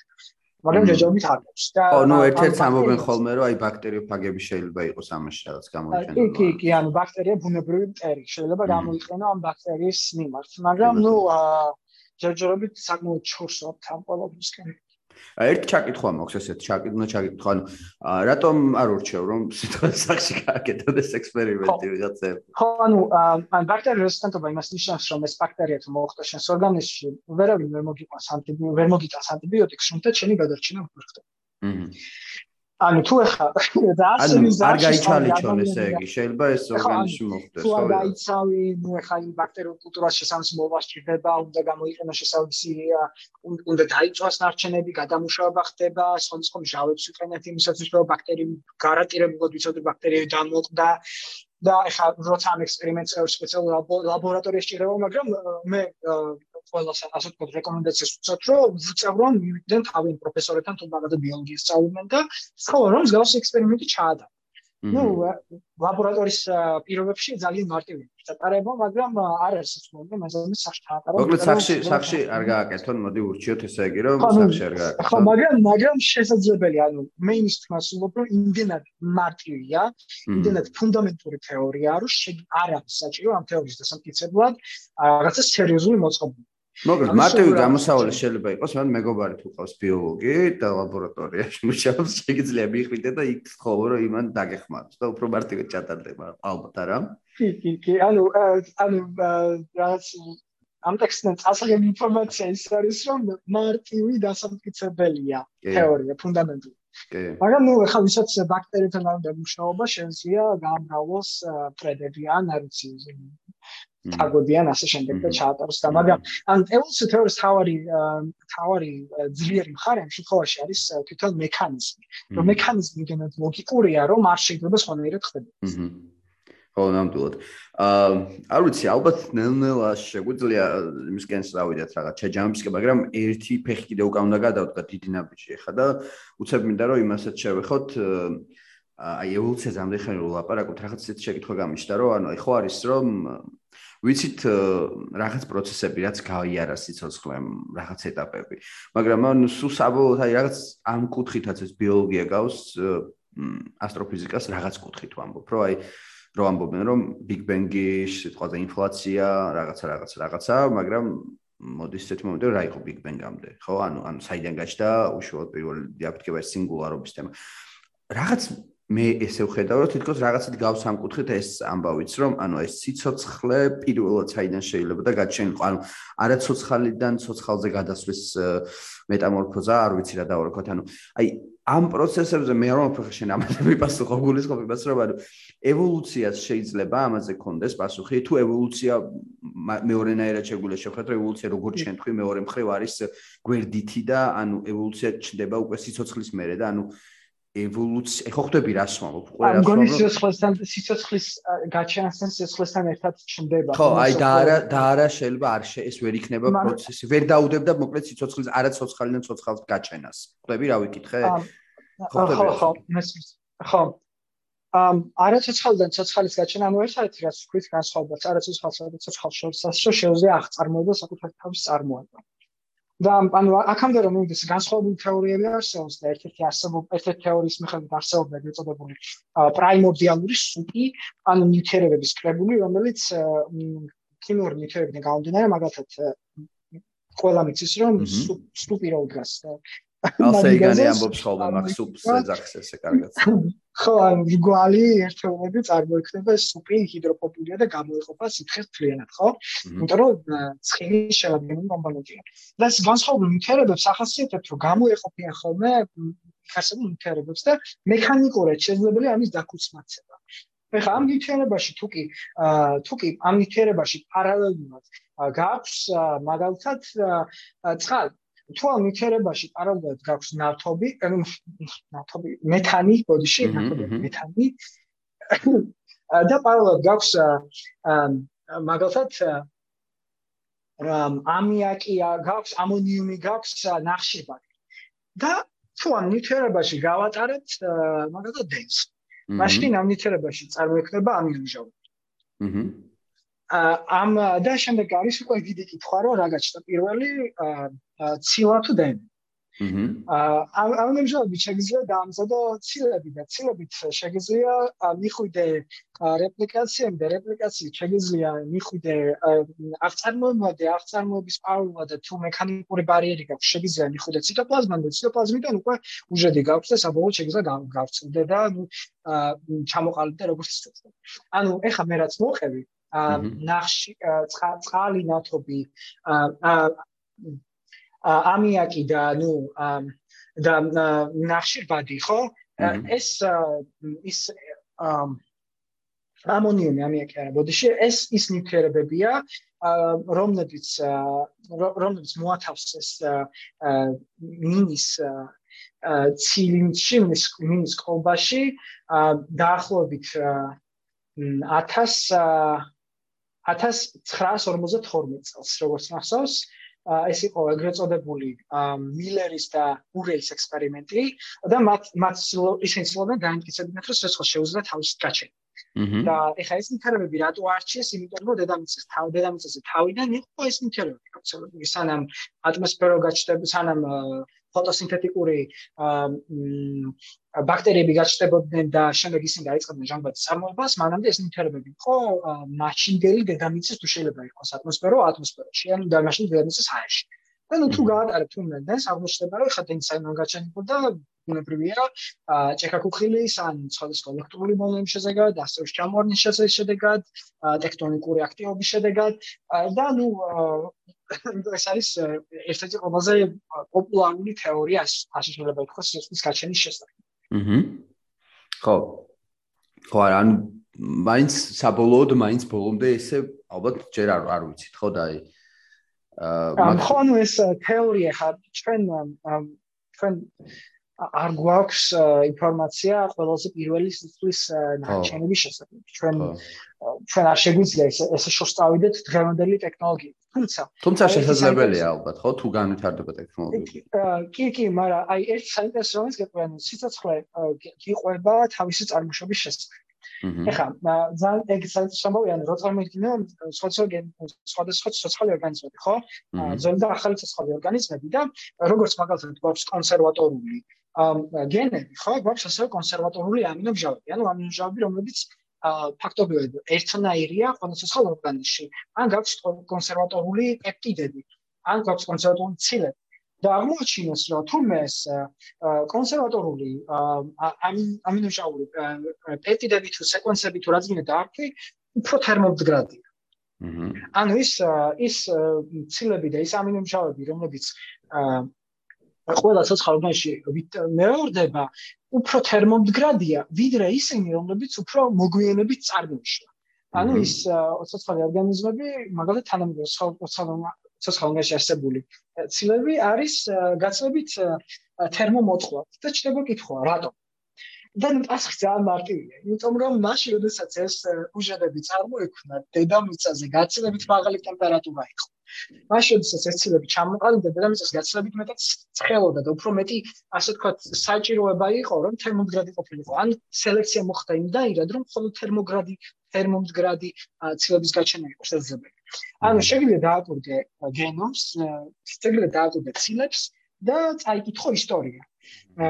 ამ ძველ ცოცხალ ორგანიზმში თუ თერმო თუ ხოლმე თერმომდგრადები ხდება ესე გითხრა რომ იქნებ ეს ისეთ პერიოდში გაჩნდა, როდესაც დედამიწა ჯერ კიდევ გავარვარებული იყო. და ანუ ხა რა დაკვირდები მართლაც ისე. ანუ სიცოცხლე გიყვება თავისი წარმოშობის შესახებ და სიცოცხლე წარმოიშვა წარსულში, მას შემდეგაც დედამიწა ჯერ კიდევ ყალიბდებოდა ახალი ჩამოყალიბებული პლანეტა იყო. აი როგორც კოსმოსი გიყვება თავის წარსულზე რაღაცა ხა უცებ წარმოგიდგენე რა რო უყურებ ტელესკოპს და უფრო შორეული მასში რო იხედები რა რაღაც ეგეთი მას გავს. აა და მოდი ხა აი ესეთ შორეული წარსულიდან აბა გადავხდეთ ძალიან მომავალზე მომავალში გავიხედოთ მოკლედ. აა და ესეც შეკითხვა მაქვს რაც ალბათ არ არ დავამატებ სანამ მომავალში გადავხდებოდი არ დავამატებ და ეს ფაქტს რომ აი აი ყოველთვის ამ ყოველთვის აი ითხოვენ ამ სპეციფიკენ და ბოლოს იყვნენ რომ იცი რა მე მაინც მიჩემია რომ აა იმატისგან წარმოშობილი არ ვიყო. რაღაცა იგი მეც მე რამე მიჩემია უბრალოდ უბრალოდ იცი რა მეტია ხავს უჩემია რომ ვიღაცა impertinence რო იყვნენ ხომ რაღაცა არასრულფასოვანი მოძალადე რაღაცა ძალისმიერ ტალახში გამოძერწილი იყოს ვიდრე ვიდრე წარმოადგენს იმ სიცოცხლეს რომელიც ალიბდება დაახლოებით 4 მილიარდი წელი. და ეს 3.3.3.5 მილიარდი წელი. ეს 3.4 მილიარდი წელი პატარა რიცხვი არ არის 3.4 მილიარდი წელი არის სამყაროს არსებობის სამყარო არსებობს 3.8 მილიარდი წელი, ხო? 13 არის დაახლოებით 25%. ხო.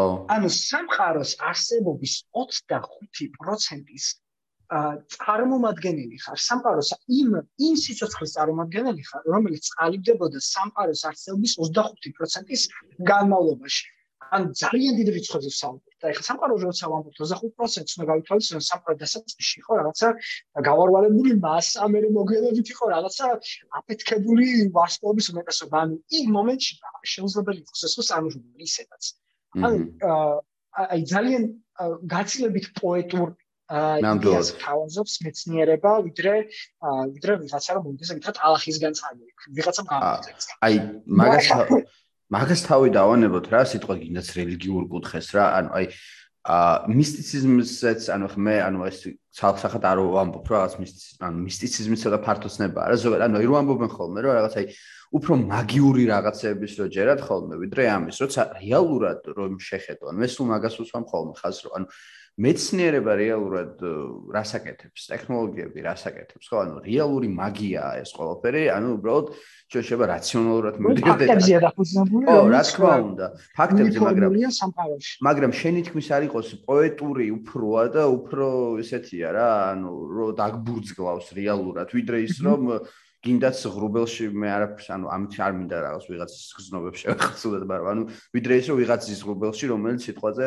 გამოგწერწავს ანუ ბევრად უფრო სხვა რაღაცა არის, როდესაც ამას იაზრებ, რომ ესეთი სამყაროს ნაწილი ხარ, ანუ რა ვიცი, ესე იგი. კი, გაცილებით რომ ამაზი ალტერნატივაა და ანუ არ მისმის პრიმატს ატო გადაჭინე, პრიმატებს წარმოადგენდა ეს ჩვენი დანაშაული ძალი, ამაკები უნდა ვუხოთ, იმიტომ რომ საკმაოდ ჭკვიანი ცოცხალი ორგანიზმები არიან და რა რა ნუ ნუ რეალურად ამ ადამიანებს არანაირად არ მისმის და კიდევ ერთხელ თქვა მინდა და ანუ ხო გარდა იმისა, რომ ხარ ნუ ამ დიადის სიცოცხლის წარმომადგენელი, ასევე ხარ, ასე ვთქვათ, საკმაოდ ჩამოყალიბებული არსება, ხო? ანუ ამდენ სოციალ ორგანიზმში გაქვს ერთადერთ ინტელექტი, ანუ იდეალური იდეალური არ ხარ, მაგრამ ნუ ამდენად კარგად შეგუებული წარმოადგენელი ხარ. ანუ ადამიანი ჩემი აზრით უნდა იყოს ამაყი იმის, რომ აი ამ სიცოცხლის წარმომადგენელი ამ კატეგორიის წარმომადგენელია და ასე შემდეგ. და არა ის რომ აი ხა კლიმატის პროცესის არ არის პირიქით ეს წარმოგადგენს როგორც სიცოცხლის ერთ-ერთ ულამაზეს ერთ-ერთ ყველაზე სულფასოვან წარმომადგენელს ნამდვილად ნამდვილად ასე რომ მეგობრებო აუც ვინც ამ კუთხით სკეპტიკურად ხართ განწყობილი აუც ჩემ მოგწეული შევა იქნებოდა რომ მე ვიღოთ ის რაც ვართ და დავაფასოთ იმიტომ რომ მმ, გავი მე მე რა ცხოვრებას და სიცოცხლეს ადამიანებს ძალიან დასფასებელია რა ეს ყველაფერი რა როგორც ხო ნუ აი პარალელურ გავავოთ ხო მისტიციზმსა და მეცნიერებას შორის. აჰა მისტიციზმის შემთხვევაში მე დავწერე ერთ ციკლს აა ნუ მოდებ საზოგადოების გარკვეულ ნაწილს ვინც არ დამიჯერებს იმას იმათ დავხოცავ და ანუ გამოდის ყველას ყველას დავაჯერე და ნუ გამოაცხადებ სახელმწიფო იდეა ამ მისტიკურ იდეას.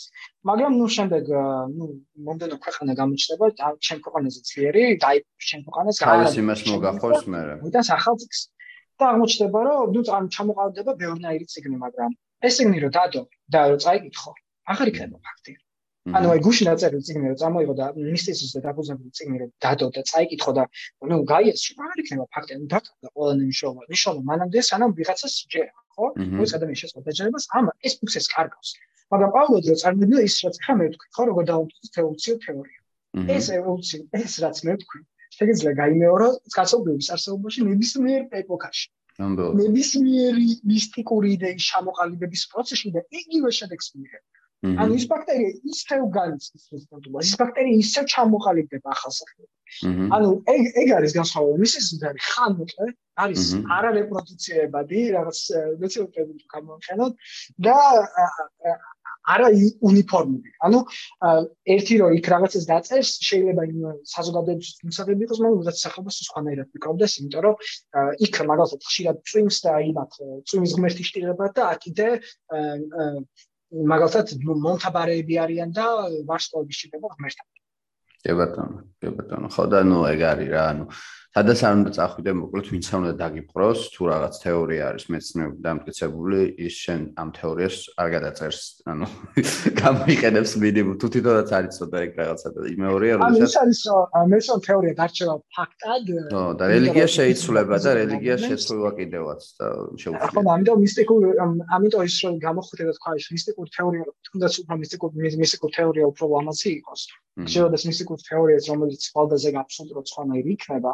ну არის ეს შეიძლება არჩევანი იყოს რაღაც უჩენია რომ არის მოძერწილი იყოს მაგრამ ну მე პირადად ეს საკითხი მე სპეციალურად ნამდვილად და აა მოკლედ აი მოდი ხა იმაზე ვსაუბროთ უკვე მომავალზე და ამით ნელა ალბათ შეგვიძლია დავასრულოთ აა აი აა მასე რო საუბრობდით რა წარსულს საუბრობდით რეალურად სიცოცხლეულ გაჩნდა რაღაცა რაღაცა რაღაცა მაგრამ მომავალი ესე ვთქვათ წინ არის იმედია რომ დიდი ხანი გაგრძელდება ზოგადად ციცოცხლის სიცოცხლე ამ პლანეტაზე და რა ვიცი, ნუ მომავალს შეიძლება გავცელდეს კი ამ პლანეტიდან სხვაგან. მოკლედ და ისი თქმა მინდა, რომ ეხლა გვაქვს ეს პროცესი, ეს სიტუაცია და ჩვენ ამ შემთხვევაში homo sapiens-ები და სხვადასხვა სიცოცხლის ფორმები კიდევ ვართ ესეთი ამ ამ კულტურ მოცემულობაში, თუმცა სიცოცხლის ფორმები დღესაც ხო იცვლება და ეს პროცესი, ანუ ეს პროცესი არ ეხება მარტო ვირუსებს და ბაქტერიებს, ეხება პირველად კომპლექსურ სიცოცხლის ფორმებს. აა და მათ შორის ადამიანებსაც, უბრალოდ ადამიანები ეხლა ვიწყებთ რაღაც ახალის ახალს მივაგენთ, აი კარებზე დავაკაკუნეთ, ესე აღვი ხოლმე და იქ არის ისეთი რაღაცა, რაც არის გენური ინჟინერია ზოგადად აა და ნუ ძალიან მარტივ ენაზე რო ვთქვა, მოკლედ манипуляция, გინდაც რაღაც დონეზე ევოლუციური პროცესების, არ ვიცი, ან მუტაციების და ასე შემდეგ, რა და მმ ცალკე თემა ზოგადად ეხა ამ წამს რამდენად განიცდის კიდე ადამიანის ევოლუციას, როგორც ეხა ამ წამს.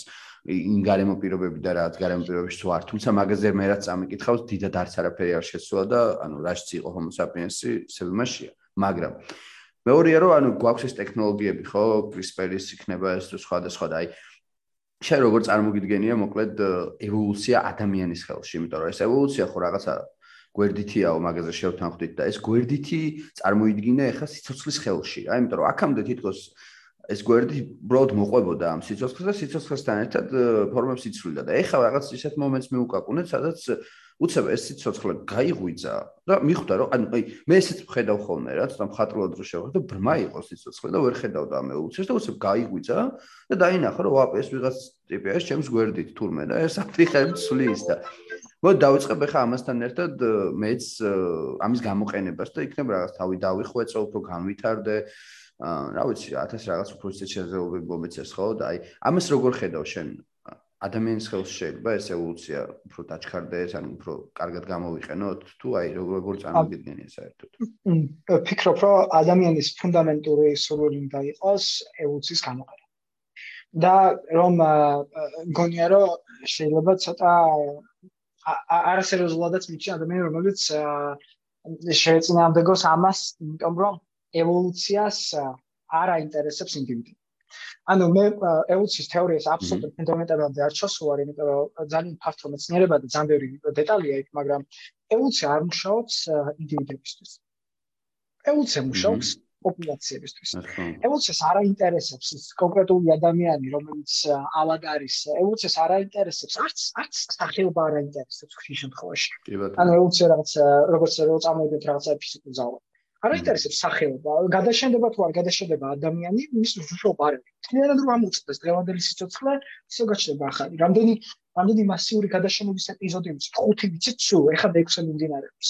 ევოლუციის არაფერი არ აინტერესებს, მიმდინარეობს ამ პროცესში, მაინტერესებს რაღაც პროცესია, გვერდით მოვლენა, მაგრამ მაინც. ასე დროს ბუნებრივია შეიძლება კითხვა, რაღაც ძალა არის, რომელიც ჩემ ჩემ სასაგებო და მიმდინარეობს არასოდეს და არც არჩეულება მიმდინარეობს იმიტომ რომ მე წინააღმდეგობაში მიდივარ ამ ძალასთან და როგორ როგორ შეიძლება თავი დაიცო და ერთერთი საერთოდ დაიწყო შენი თავის გაკეთება ხო აი მაგალითად მაშინ ისაც ხო აი ცეცხლის გამოყენებას გავს თითქოს ხელში როცა ცეცხლი დაიწყეს აი ძალიან შედარება კი, ძალიან კაი შედარება, იმიტომ რომ შეიძლება ცეცხლი გამოიყენო როგორც თავის გასათბობად, როგორც იარაღად, როგორც თავის გასანადგურებლად, როგორც ეხა ვიყენებ, მაგალითად, რომ წვავთ საწოლს და ასე პლანეტაზე მეექვსე მასიურ გადაშენებას ვიცი. კი. ხო, მაგრამ ანუ ამ შემთხვევაში ცოტა ისე რომ გადმოვხიოთ აქეთ, ხო? ანუ შეგვიძლია ელცით რა გავაკეთოთ, რომ ვიქცეთ გალაქტიკურ სახეობას. რომ დავიფროთ სხვა პლანეტები და სხვა პლანეტაზე თვითონ სახეობას მიცეთ ახალი ნიშნანიშნ ფისებები. ან შევიძინოთ ახალ ფისებები, თითქოს გაცილებით მეტად ეფექტურები იქნებით ჩვენი საქმის შესრულებისთვის. მაგალითად უფრო ინტელექტუალური, მაგალითად უფრო ძლიერები გახდეთ, მაგალითად უფრო უფრო ეფექტურები გახდეთ გარკვეული საქმის შესრულებისთვის. კი, რატომაც არ, ანუ რატომაც არ უნდა გავაკეთოთ ეს? ნუ მე რა თქმა უნდა არსებობს აქ რაღაცა პრობლემები, რომ ჩამოყალიბდება ერთი და იგივე გენი იქნება ბევრ სახეობაში მსგავსი გენების შემთხვევაში ავტონომიური რეცესი დაავადებების რისკი იზრდება ანუ რაც უფრო ერთნაირი გენი აქვს პოპულაციაში ეს მსგავსი გენები ერთმანეთს შეერწყმება და განვითარებას დაიწყებს ძველებული ნიშანთვისებები მაგალითად ვიღაცა შეიძლება კუდი მაგალითად ვიღაცა შეიძლება შეიძლება მესამე დრული გაუშვოს ვიღაცას თმის ცონა ექნება და ნუ ვიღაცას ნეიროდეგენერაციო დაავადება ვიღაცას სერიოზული დაავადება გაუჩნდება. ანუ იმის გამო რომ გენეტიკური ინფორმაცია ერთგვაროვანია, არ არსებობს განსხვავებული, ანუ ნაკლები შანსია განსხვავებული წარმოშობის და შესაბამისად ხდება უკვე რეცესიული, ანუ სელექციის შედეგად დაბლოკილი გენების განვითარება. ანუ სელექციამ რა გააკეთა, ხო? სელექციამ გააკეთა ის რომ ის ვისაც გარკვეული ნიშნაფისება, რომელიც მომაკვდინებელი იყო, მაგალითად ნიშნაფისება, რომელიც ჰემოფილიას იწოდა, ვერ გადახშდა ეს ადამიანები, რომელსაც ჰემოფილიის გენი ჰქონდა. და გადაშენდა ის ადამიანები, რომლებიც ჰემოფილიის გენი არ ჰქონდა, ან რომელსაც ჰემოფილიის გენი რეცესიული ფორმით ჰქონდა. ეხლა შენ თუ რეცესიულ ინდივიდებს შეაჯვარე, ჰემოფილიის გენი დომინანტური გახდება და მიიღებ თელ საზოგადოებას, რომელსაც აქვს ჰემოფილია, ხო? ან ჰემოფილია არის, როცა სიცხე ვერ დებდება და ნუ ვერც ვერც სიცხე აღარ შეუდებდება და ყველა დაიღუპება. ანუ ორი პრობლემა გაქვს. თუ შენ მასიური გენური ინჟინერიას მოახდენ, გექნება საზოგადოება, რომელსაც პრაქტიკულად ვერ შეაწყობა. ანუ გადაშენდება ყველა ვარიანტი თუ ვერ შეაწყობს ამბობს ვიდატოვე და თუ შეაწყობებ ყოველი მომდენო შეწყობების შედეგად უნდა მოახდინო რაღაც ხელოვნური მუტაცია, რითაც სახეობა წარმოშობა. მაგრამ მე ვფიქრობ რომ ადრე თუ გვიან აქამდე მივივალთ. ადრე თუ გვიან მივალთ იქამდე რომ დავიწყებთ ინჟინერიას, ადრე თუ გვიან მივალთ იქამდე რომ იქნება ასე ვთქვათ მივალთ რეცესიულ დაავადებამდე, მივალთ ინდონემდე ინჟინერიას რომ რეცესიულ დაავადების კონტროლს დავიწყებთ, იმიტომ რომ რეალურად არჩევანი არ გვაქვს. თუ სხვა პლანეტებს არ დავიპყრობთ, ერთადერთი ინტელექტუალური ვერსება გადაშენდება. თუ სხვა პლანეტები უნდა დავიპყროთ, დავიპყროთ წყალებში, ანუ კოლონიზაცია მოხდინოთ, მაშინ გვჭირდება ახალი თვისებები და გვჭირდება მალე.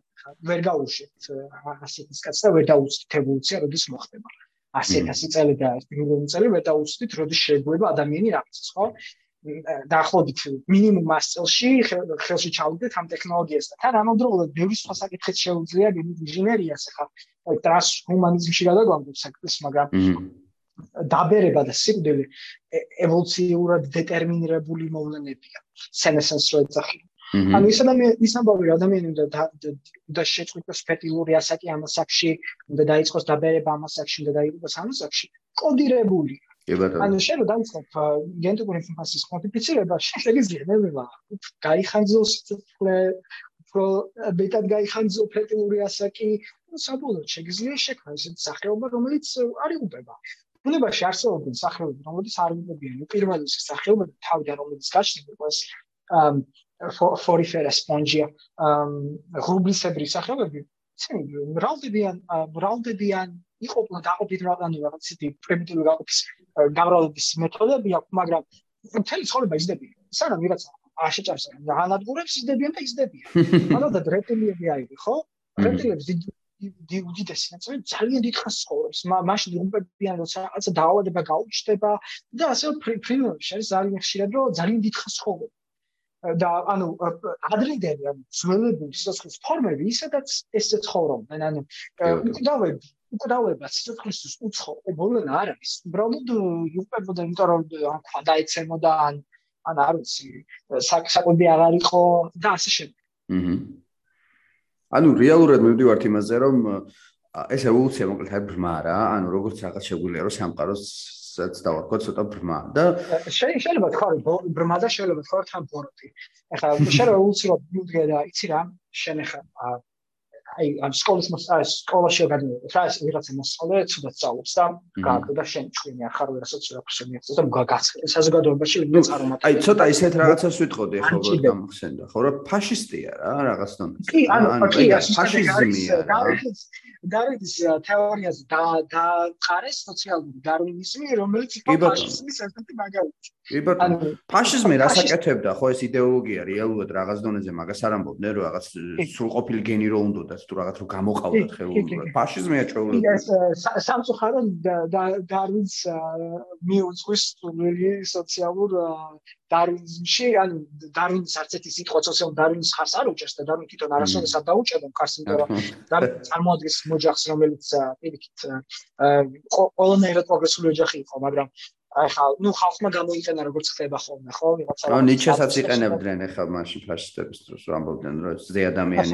იდეაც მან თავარია თავარია აინარ ასე ვქოთ თავარია თავარია ადამიანებმა ჩემი აზრით თქვით რაღაც დონეზე ფაშიზმზე უარი. იმედია ვთქვით ყოველ შემთხვევაში ჩვენ შარს ვიღაცები კი არა არის მაინც შეიძლება მიდრეკილებები ამისკენ რა თქმა უნდა არის მაგრამ ну, რა ვიცი, ჰუმანური გეცდილოთ, ჰუმანური არსებები ვიყოთ და მეტნაკლებად რაღაცეებზე ვარვთქვა და ეს ევოლუცია მოკლედ შეგვიძლია ფაშისტი დავარქვათ რა, რომელიც э, პირდაპირ მნიშვნელობით სელექციას აკეთებს, ხო გადარჩევას აკეთებს საერთოდ. ნუ გასაგებია რომ ეხა ეს ესე ცალმხრივადაც იმას ცელს ნუ გამოუსვამთ, იმიტომ რომ э, ბოლო-ბოლო აქამდე მოიყვანა სიცოცხლე, ხო და ეს რომ არ ყოფილიყო ჩვენ თავში აუცილებლად აღვნიშნეთ, ხო ეგრო, რა ვიცი, რა იქნებოდა, არაფერს არ იქნებოდა ალბათ, ხო და უბრალოდ ეს არის მართლა ცეცხლის მომენტია რა, ინსტრუმენტია, რომელიც თუ ალბათ ჭკვიანი ჭკვიანი არსების, არ ვიცი, ხელს ჩავარდება, შეიძლება გამოვიყენოთ პროდუქტივად. როგორც ცეცხლია, ხო, ცეცხლი ჩდება და რა ვიცი, ხო, ჩვენ უძველეს წინაპრები დაინახავდნენ ცეცხლს, თავიდან ეშინოდათ ბუნებრივია და გაჩნდებოდა რაღაც ცეცხლიო, წაიკიდებოდა ხეს ან ხანძარი რო გაჩნდებოდა, ანუ რაღაც აპრიორი გამანადგურებელი ფორმა ქონდა, თუმცა მას აქვს თავისი ფუნქციაც, ხო, ამ საფარში მარტო რაღაც დაწოს იმის არის, ასე ვთქვათ, მაგრამ იგივე დონეზე არის შეიძლება, არ ვიცი, ხა ეს ევოლუციაც შეგვიძლია რომ გამოყენების შემთხვევაში ალბათ ჰუმანური გავხადოთ, არ ვიცი, რა შეიძლება ეგ ითქვას. აა კი, კი, ანუ ანუ ხო, ჰუმანიზაციის როგორ ზახიან ადამიანს მიერ მოდიფიცირებად რო აქცევენ. კი, თავის პროცესებელია. თუმცა ჰუმანური ძალიან სასაცილოა, ჰუმანური შეიძლება გავხოთ, მაგრამ ჩვენ თვითონ აღარ ვიქნებით homo sapiens-ებს სხვა ასაკები. ჩვენ post human species-საც ახიან. post ადამიანები ვიქნებით და ეხა ეს სამწუხარო დღეს უკვე ჩვენი არჩევანი აღარ არის. ეს არის ერთ-ერთი საშუალება დღეს უკვე ამ რეალობის წინაშე ვართ გლობალურ დათბობა ამის გარანტიას შექმნის, რომ ვიქცეთ კიბორგებად, ფაქტობრივად კიბორგები უკვე ვართ ტელეფონზე დამოკიდებულების მიხედვით, მაგრამ ნუ შევეწყათ ტექნოლოგიას, ტექნოლოგია გამოვიყენოთ უფრო სუფოსოვანი ადამიანების აღსაზრდება და ასე შემდეგ. ეს ვფიქრობ, რომ არჩევანი აღარ არის. ან ამ ტექნოლოგიას გამოვიყენებთ, ან ასობრივ მე შეწყვიტოს არსებობა. ესეთი არჩევანი ხა. თან იცი ბევრი რამე ასე თვალისწინებთ, მაგალითად ჩვენი სახეობა უკვე დაღმართზეა, რაკანები შეიძლება ითქვას. Y ქრომოსომის შემდგენ გენების რაოდენობა მცირდება, განაყოფიერების მასშტაბები მცირდება ყოველწლიურად უფრო და უფრო მეტად ანუ ადამიანი უფრო ნაკლებად ნაყოფიერდება, უფრო ნაკლებად შეუძლია შამომობის დატოვება და ძალიან პრობლემა ვითარდება. მიუხედავად იმისა, რომ მრავლდება ადამიანი სახეობის განიც. უფრო. ხო, მაგრამ ხა წარმოიდგინე. ადრე იყო ადრე იყო ბევრი სახეობა. სხვადასხვა კონტინენტს. და ეს სახეობები დამოკიდებლად განვითარდნენ და გასულდროდ განსხვავებული მიშეთისებები ჰქონდა. მაგრამ დღეს ერთელი დედამიწა ასე თქო, ჰომოგენურია და ნუ ერთმანეთს უცვლებ გენებს.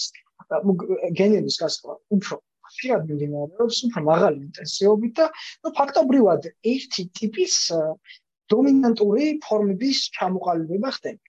ეს ზუსტად იმ მომენტია, რომ შესაძაც გენოფონდის ჰომოგენურები ჰომოგენურობა იწყება, ნელ-ნელა ცირდება განსხვავების წარმოქმნის საშუალება.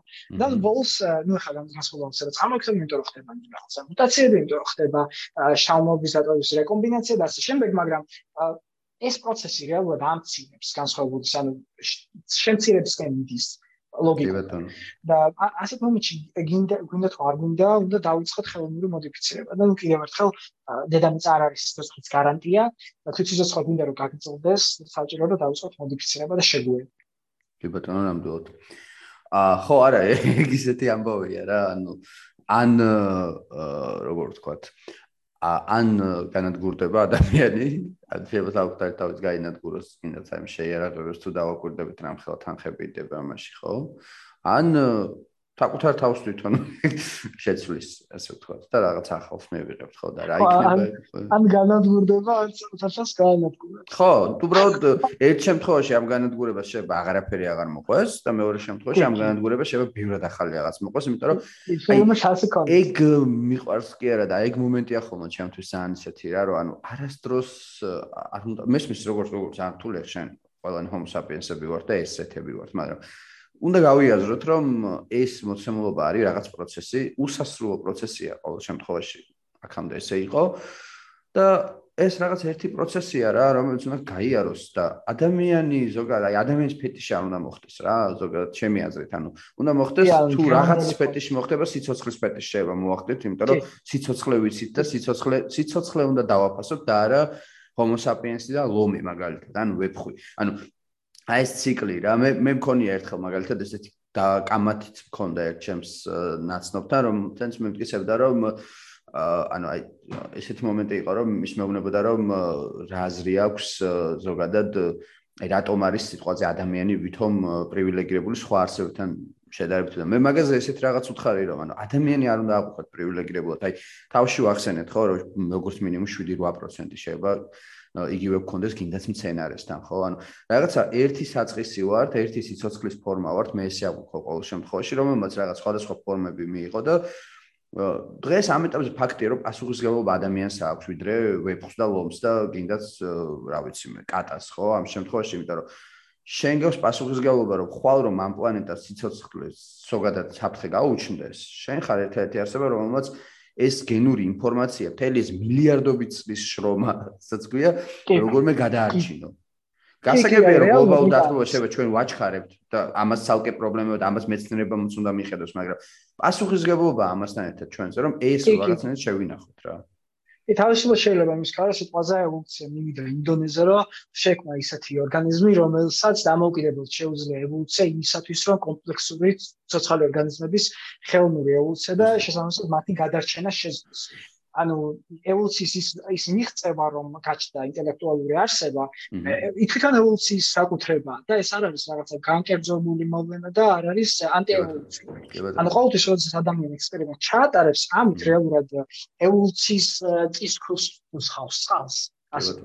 კი ბატონო. ხო, აი ბავშვობის დასასრულს შევადარებდი რა, არტურ კლარკს აქვს ესეთი რომანი ბავშვობის დასასრული. მან შინაარსობრივად სხვა რაღაც ხდება, მაგრამ იდეა იდეა ზუსტად ესეთი პონტია, რომ ანუ ესეთი რაღაცაა, რომ კაცობრიობამ, როგორც სახეობამ, უნდა გაიაზროს რაღაცეები და ბავშვობა უნდა დაასრულოს, რა და ბავშვობის დასასრულის პროცესში უნდა ვიყოთ ჩემი აზრით და აი, როდესაც უდგებით ხოლმე скеპტიკურად, რა თქმა უნდა, скеპტიკურადაც უნდა მიუდგეთ, ხო? რაღაცა შეიძლება პირიქით უფრო ცუდი შედეგები მოიტანოს, მათ შორის განვითარება, მაგრამ თუ ჩვენ არ ავიღეთ პასუხისგებლობა რაღაცეებზე და თუ არ დავამთავრეთ ის ბავშვობა, რაც გამოვიარეთ, ალბათ, რა ვიცი, ანუ არაფერი დიდად არ შეიცვლება და საბოლოოდ რა ალბათ მართლა ყველაფერი განადგურდება და ყველაზე დიდი სევდიანი ისტორია იქნება რომ უხეშად რო წარმოვიდგინოთ რომ ხვალა რა ზეგარა და სიტყვაზე რამდენიმე გინდა 10000 წლის შემდეგ რაღაც ჩამოვარდა რაღაც ისეთი ასტეროიდი იქნება ეს თუ რაღაცა რომელმაც ამ პლანეტაზე სიცოცხლე რო დაასრულოს და რა მივიღეთ ხო? 5 მილიარდიანი ციკლი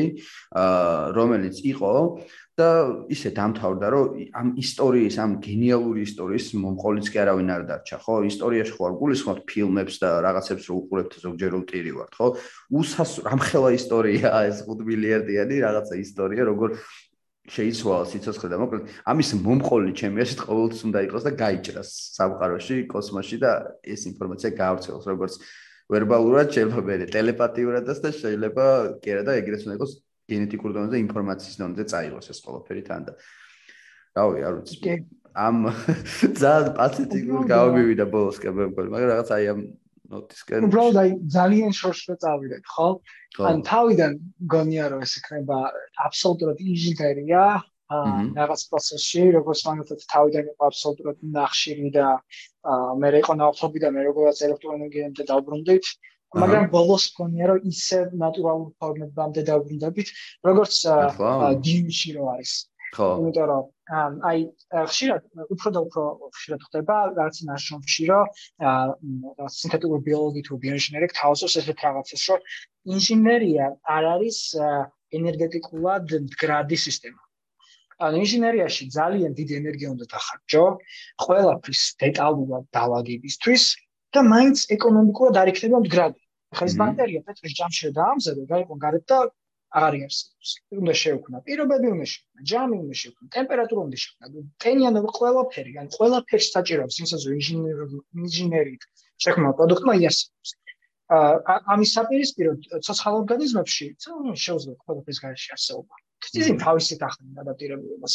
ან ცოცხალ ორგანიზმები დაფუძნებული ეს არის ტექნოლოგია, ცოცხალ ტექნოლოგია რეგამენტად, რომელიც დაფუძნებულია ქაოსზე.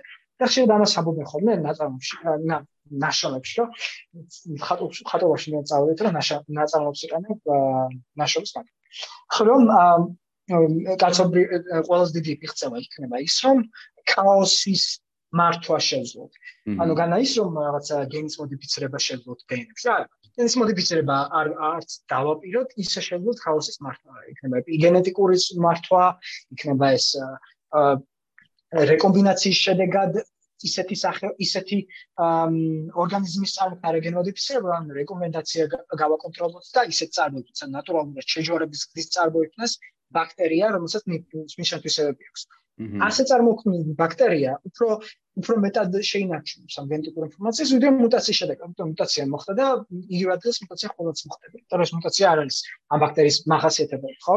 ანუ კი ანუ ინჟინერია იქნება რაღაც ეტაპი აუცილებლად, მაგრამ ბოლოს მგონია რომ მაინც დაუბრუნდებით ამ ქაოსის მართვასთან, დაუბრუნდებით ამ რაღაც დიდი გენოფონდის შეტანასთან და ამ გენოფონდის უკვე მართვასთან.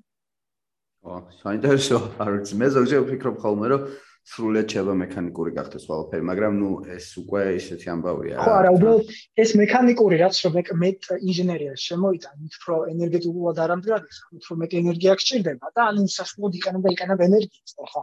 დღეს უკვე ვარ ჩვენ ენერგოკრიზისის წინ და ხა წამოდიდე უფრო სერიოზულად რო ავიდეთ ინჟინერიის კუთხით, შემდეგ რა შემდეგ რა მოხდება, ინფორმაციურად რო მოხდეს. ნუ რა ვიცი, მაგალითად კოსმოსი მხოლოდ რესურსია, რომ შეიძლება თუ კოსმოსი ავიდეს ბუნებრივია, მაგრამ ეხლა კოსმოს კოსმოსში სტატუსება შეიძლება ალოგიკურიც იყოს, მაგრამ უფრო მალე მოხდეს ამ ხალხს მარტო.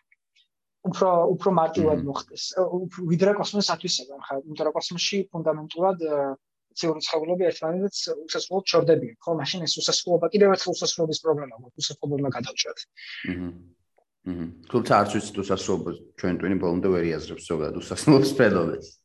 ხო ანუ არც ინდონეზია ვარ ხო ბონდე გავიაზრებ კი კი ნამდვილად აა რა ვიცი მეუბნები შეგვიძლია დავასრულოთ საკმაოდ დიდი ხნიანი გამოგვივიდა და აუ ძალიან კაია და თან ის არის თემა რომ სულ შეგიძლია ისაუბრო ამაზე ალბათ აა კი კი მართლაც ასეა მგონია რომ ყოველ წელს უფრო და უფრო აქტუალური გახდება განსაკუთრებით დღეს ხა ჯენდრაი ტექნოლოგია არსებობს მე კოლონიზაციის პარალელურად, მე დღეს გენეტიკური თერაპიები იქნება, gene therapy-ს შეძახიან, ანუ ასე შემდეგ. უფრო და უფრო ასე ვთქვით, ყოველდღიურობის ნაწილი გახდება. კი, კი და ნუ აი ეგ ზოგადად აი ეს შეიძლება თქვი ყოველდღიურობის ნაწილი, ანუ ეგ არის რომ ანუ ზოგადად ანუ ჩვენ ცხოვრებაში უნდა შემოვიდეს ესეთი თემები, ჩემი აზრით, ჩვენ ყოველდღიურობაში შევეხ ფიზიკურად ვერ შევეხოთ იმის ხა რაღაცას მაგალითად, ეგეთ ტექნოლოგიებს გულისხმობ მას ჩვენ ყველამ ვერ ჩაატაროს რაღაც უშუალოდ ექსპერიმენტი და კვლევა ვერ ჩაატაროს მაგრამ ჩვენ ყოველდღიურობის ნაწილი თუ გახდება ჩემ ჩემი აზრით ჩვენი ყოველდღიურობას უფრო მრავალფეროვანი გახდება იმიტომ რომ ზოგჯერ ძალიან მოსაწყენი ხდება ხოლმე როცა რაღაცა რუტინას მიუყვებით და რა ვიცი ანუ აა მოკლედ რა ვიცი და იმისას დავამთავრებ რომ აა რა ვიცი მოусმინეთ ჩვენ პოდკასტს და რა მაქსიმალურად ვცდილობ ხოლმე რომ ესეთი თემები მოკლედ ასეთ თემებზე ვისაუბროთ და რა ვიცი, შემოვიტანოთ ესე ვთქვათ ჩვენს ცხოვრებაში, ჩვენს ყოველდღიურობაში რაღაც ნაზეს თემა. ამ თემაზე ვიფიქროთ. რა ვიცი, მგონია რომ ცუდი არ იქნება ამ თემაზე თუ ვიფიქროთ ეს რაღაცებს. აა, მადლობა მოკლედ თომას შენ ძალიან დიდი. აა, დრო დაგვითმე და რა ძალიან საინტერესო საუბარი გამოგვივიდა ჩემი აზრით. აა, და თან ისეთ თემებზე ვისაუბრეთ, რაც ყოველ ყოველ ყოველ თემა შეგიძლია განავრცო რა. ეხლა გენურ ინჟინერიაზე რომ საუბრობ, ცალკე შეგიძლია მაგაზე ვისაუბრო უსასრულოდ, ან კოსმოსზე რესურსები ვახსენეთ იმაზე, იმაზე. ისეთი თემაა, რომ ძალიან რთულია, რომ ერთი მასში დაიჭირო, იმიტომ რომ სულ გინდა რომ გაგიქცეს და სხვადასხვა რაღაცებს ილაპარაკო და არ ვიცი ეს რამდენად გამოგვივიდა, მაგრამ ამ პოდკასტში მე ჩემი ეს რაღაც მეტაკლებად შევძელთ ეს რომ რაღაც ერთი მას გავყევით რა და მადლობა მოკლედ შენ ძალიან დიდი, მსმენელსაც ძალიან დიდი მადლობა რომ ამდენ ხანი გისმინა. და რა ვიცი, იმედია, იმედები არ გაუცრუებთ ჩვენს მსმენელს და ინტერესებს ჩვენს მსმენელს. ასე მადლობა და ასე მადლობა მსმენელს. მე დიმაქვს თუ თუ იმას ავეცი კითხვა ექნება ბუნებრივია თუ დაწერილი ჯგუფში იქნება თუ სადაც იქნება შეგვიძლია უფრო მეტად ჩავეძიოთ. კი ბატონო ნამდვილად. პირველ რიგში მიყვნენ ფაქტებს და არ არ დაიჭერა მართლაც სადღაც რომელსაც საიტზე უცხო წაროზე გადაგებული ინფორმაცია. ხო ეგ ეგ ყველაზე მნიშვნელოვანია რა ზოგადად ახლა ჩვენ next year-ს საკითხებს ხომ ჩვენ ვცდილობთ რომ ანუ ეს კვლევები და წყაროები, ანუ ამას თუ არ მიაქციე ყურადღება და ესა ნებისმიერ ინფორმაცია ინტერნეტის თავსია 1000 ინფორმაციით და შეიძლება ისეთ რაღაცები დაიჯერო, რომ რა ვიცი, შენ ცხოვრება საერთოდ შეცვალოს ერთ დღეში თუ შეყევი ეს შეყევი, შეყევი მე ალგორითმი ეგრეა მოწყობილი, რომ გიგდებს იმ იმ რაღაც ინფორმაციას, რომელიც შეიძლება სრულად დეზინფორმაცია იყოს და რაღაც ილუზია შემოყვა ადამიანმა თავი. აა, კარგი, დავასრულოთ ალბათ და კიდევ ერთხელ დიდი მადლობა და დაგიმშვიდობებით. კარგად. მადლობა, ნახოთ.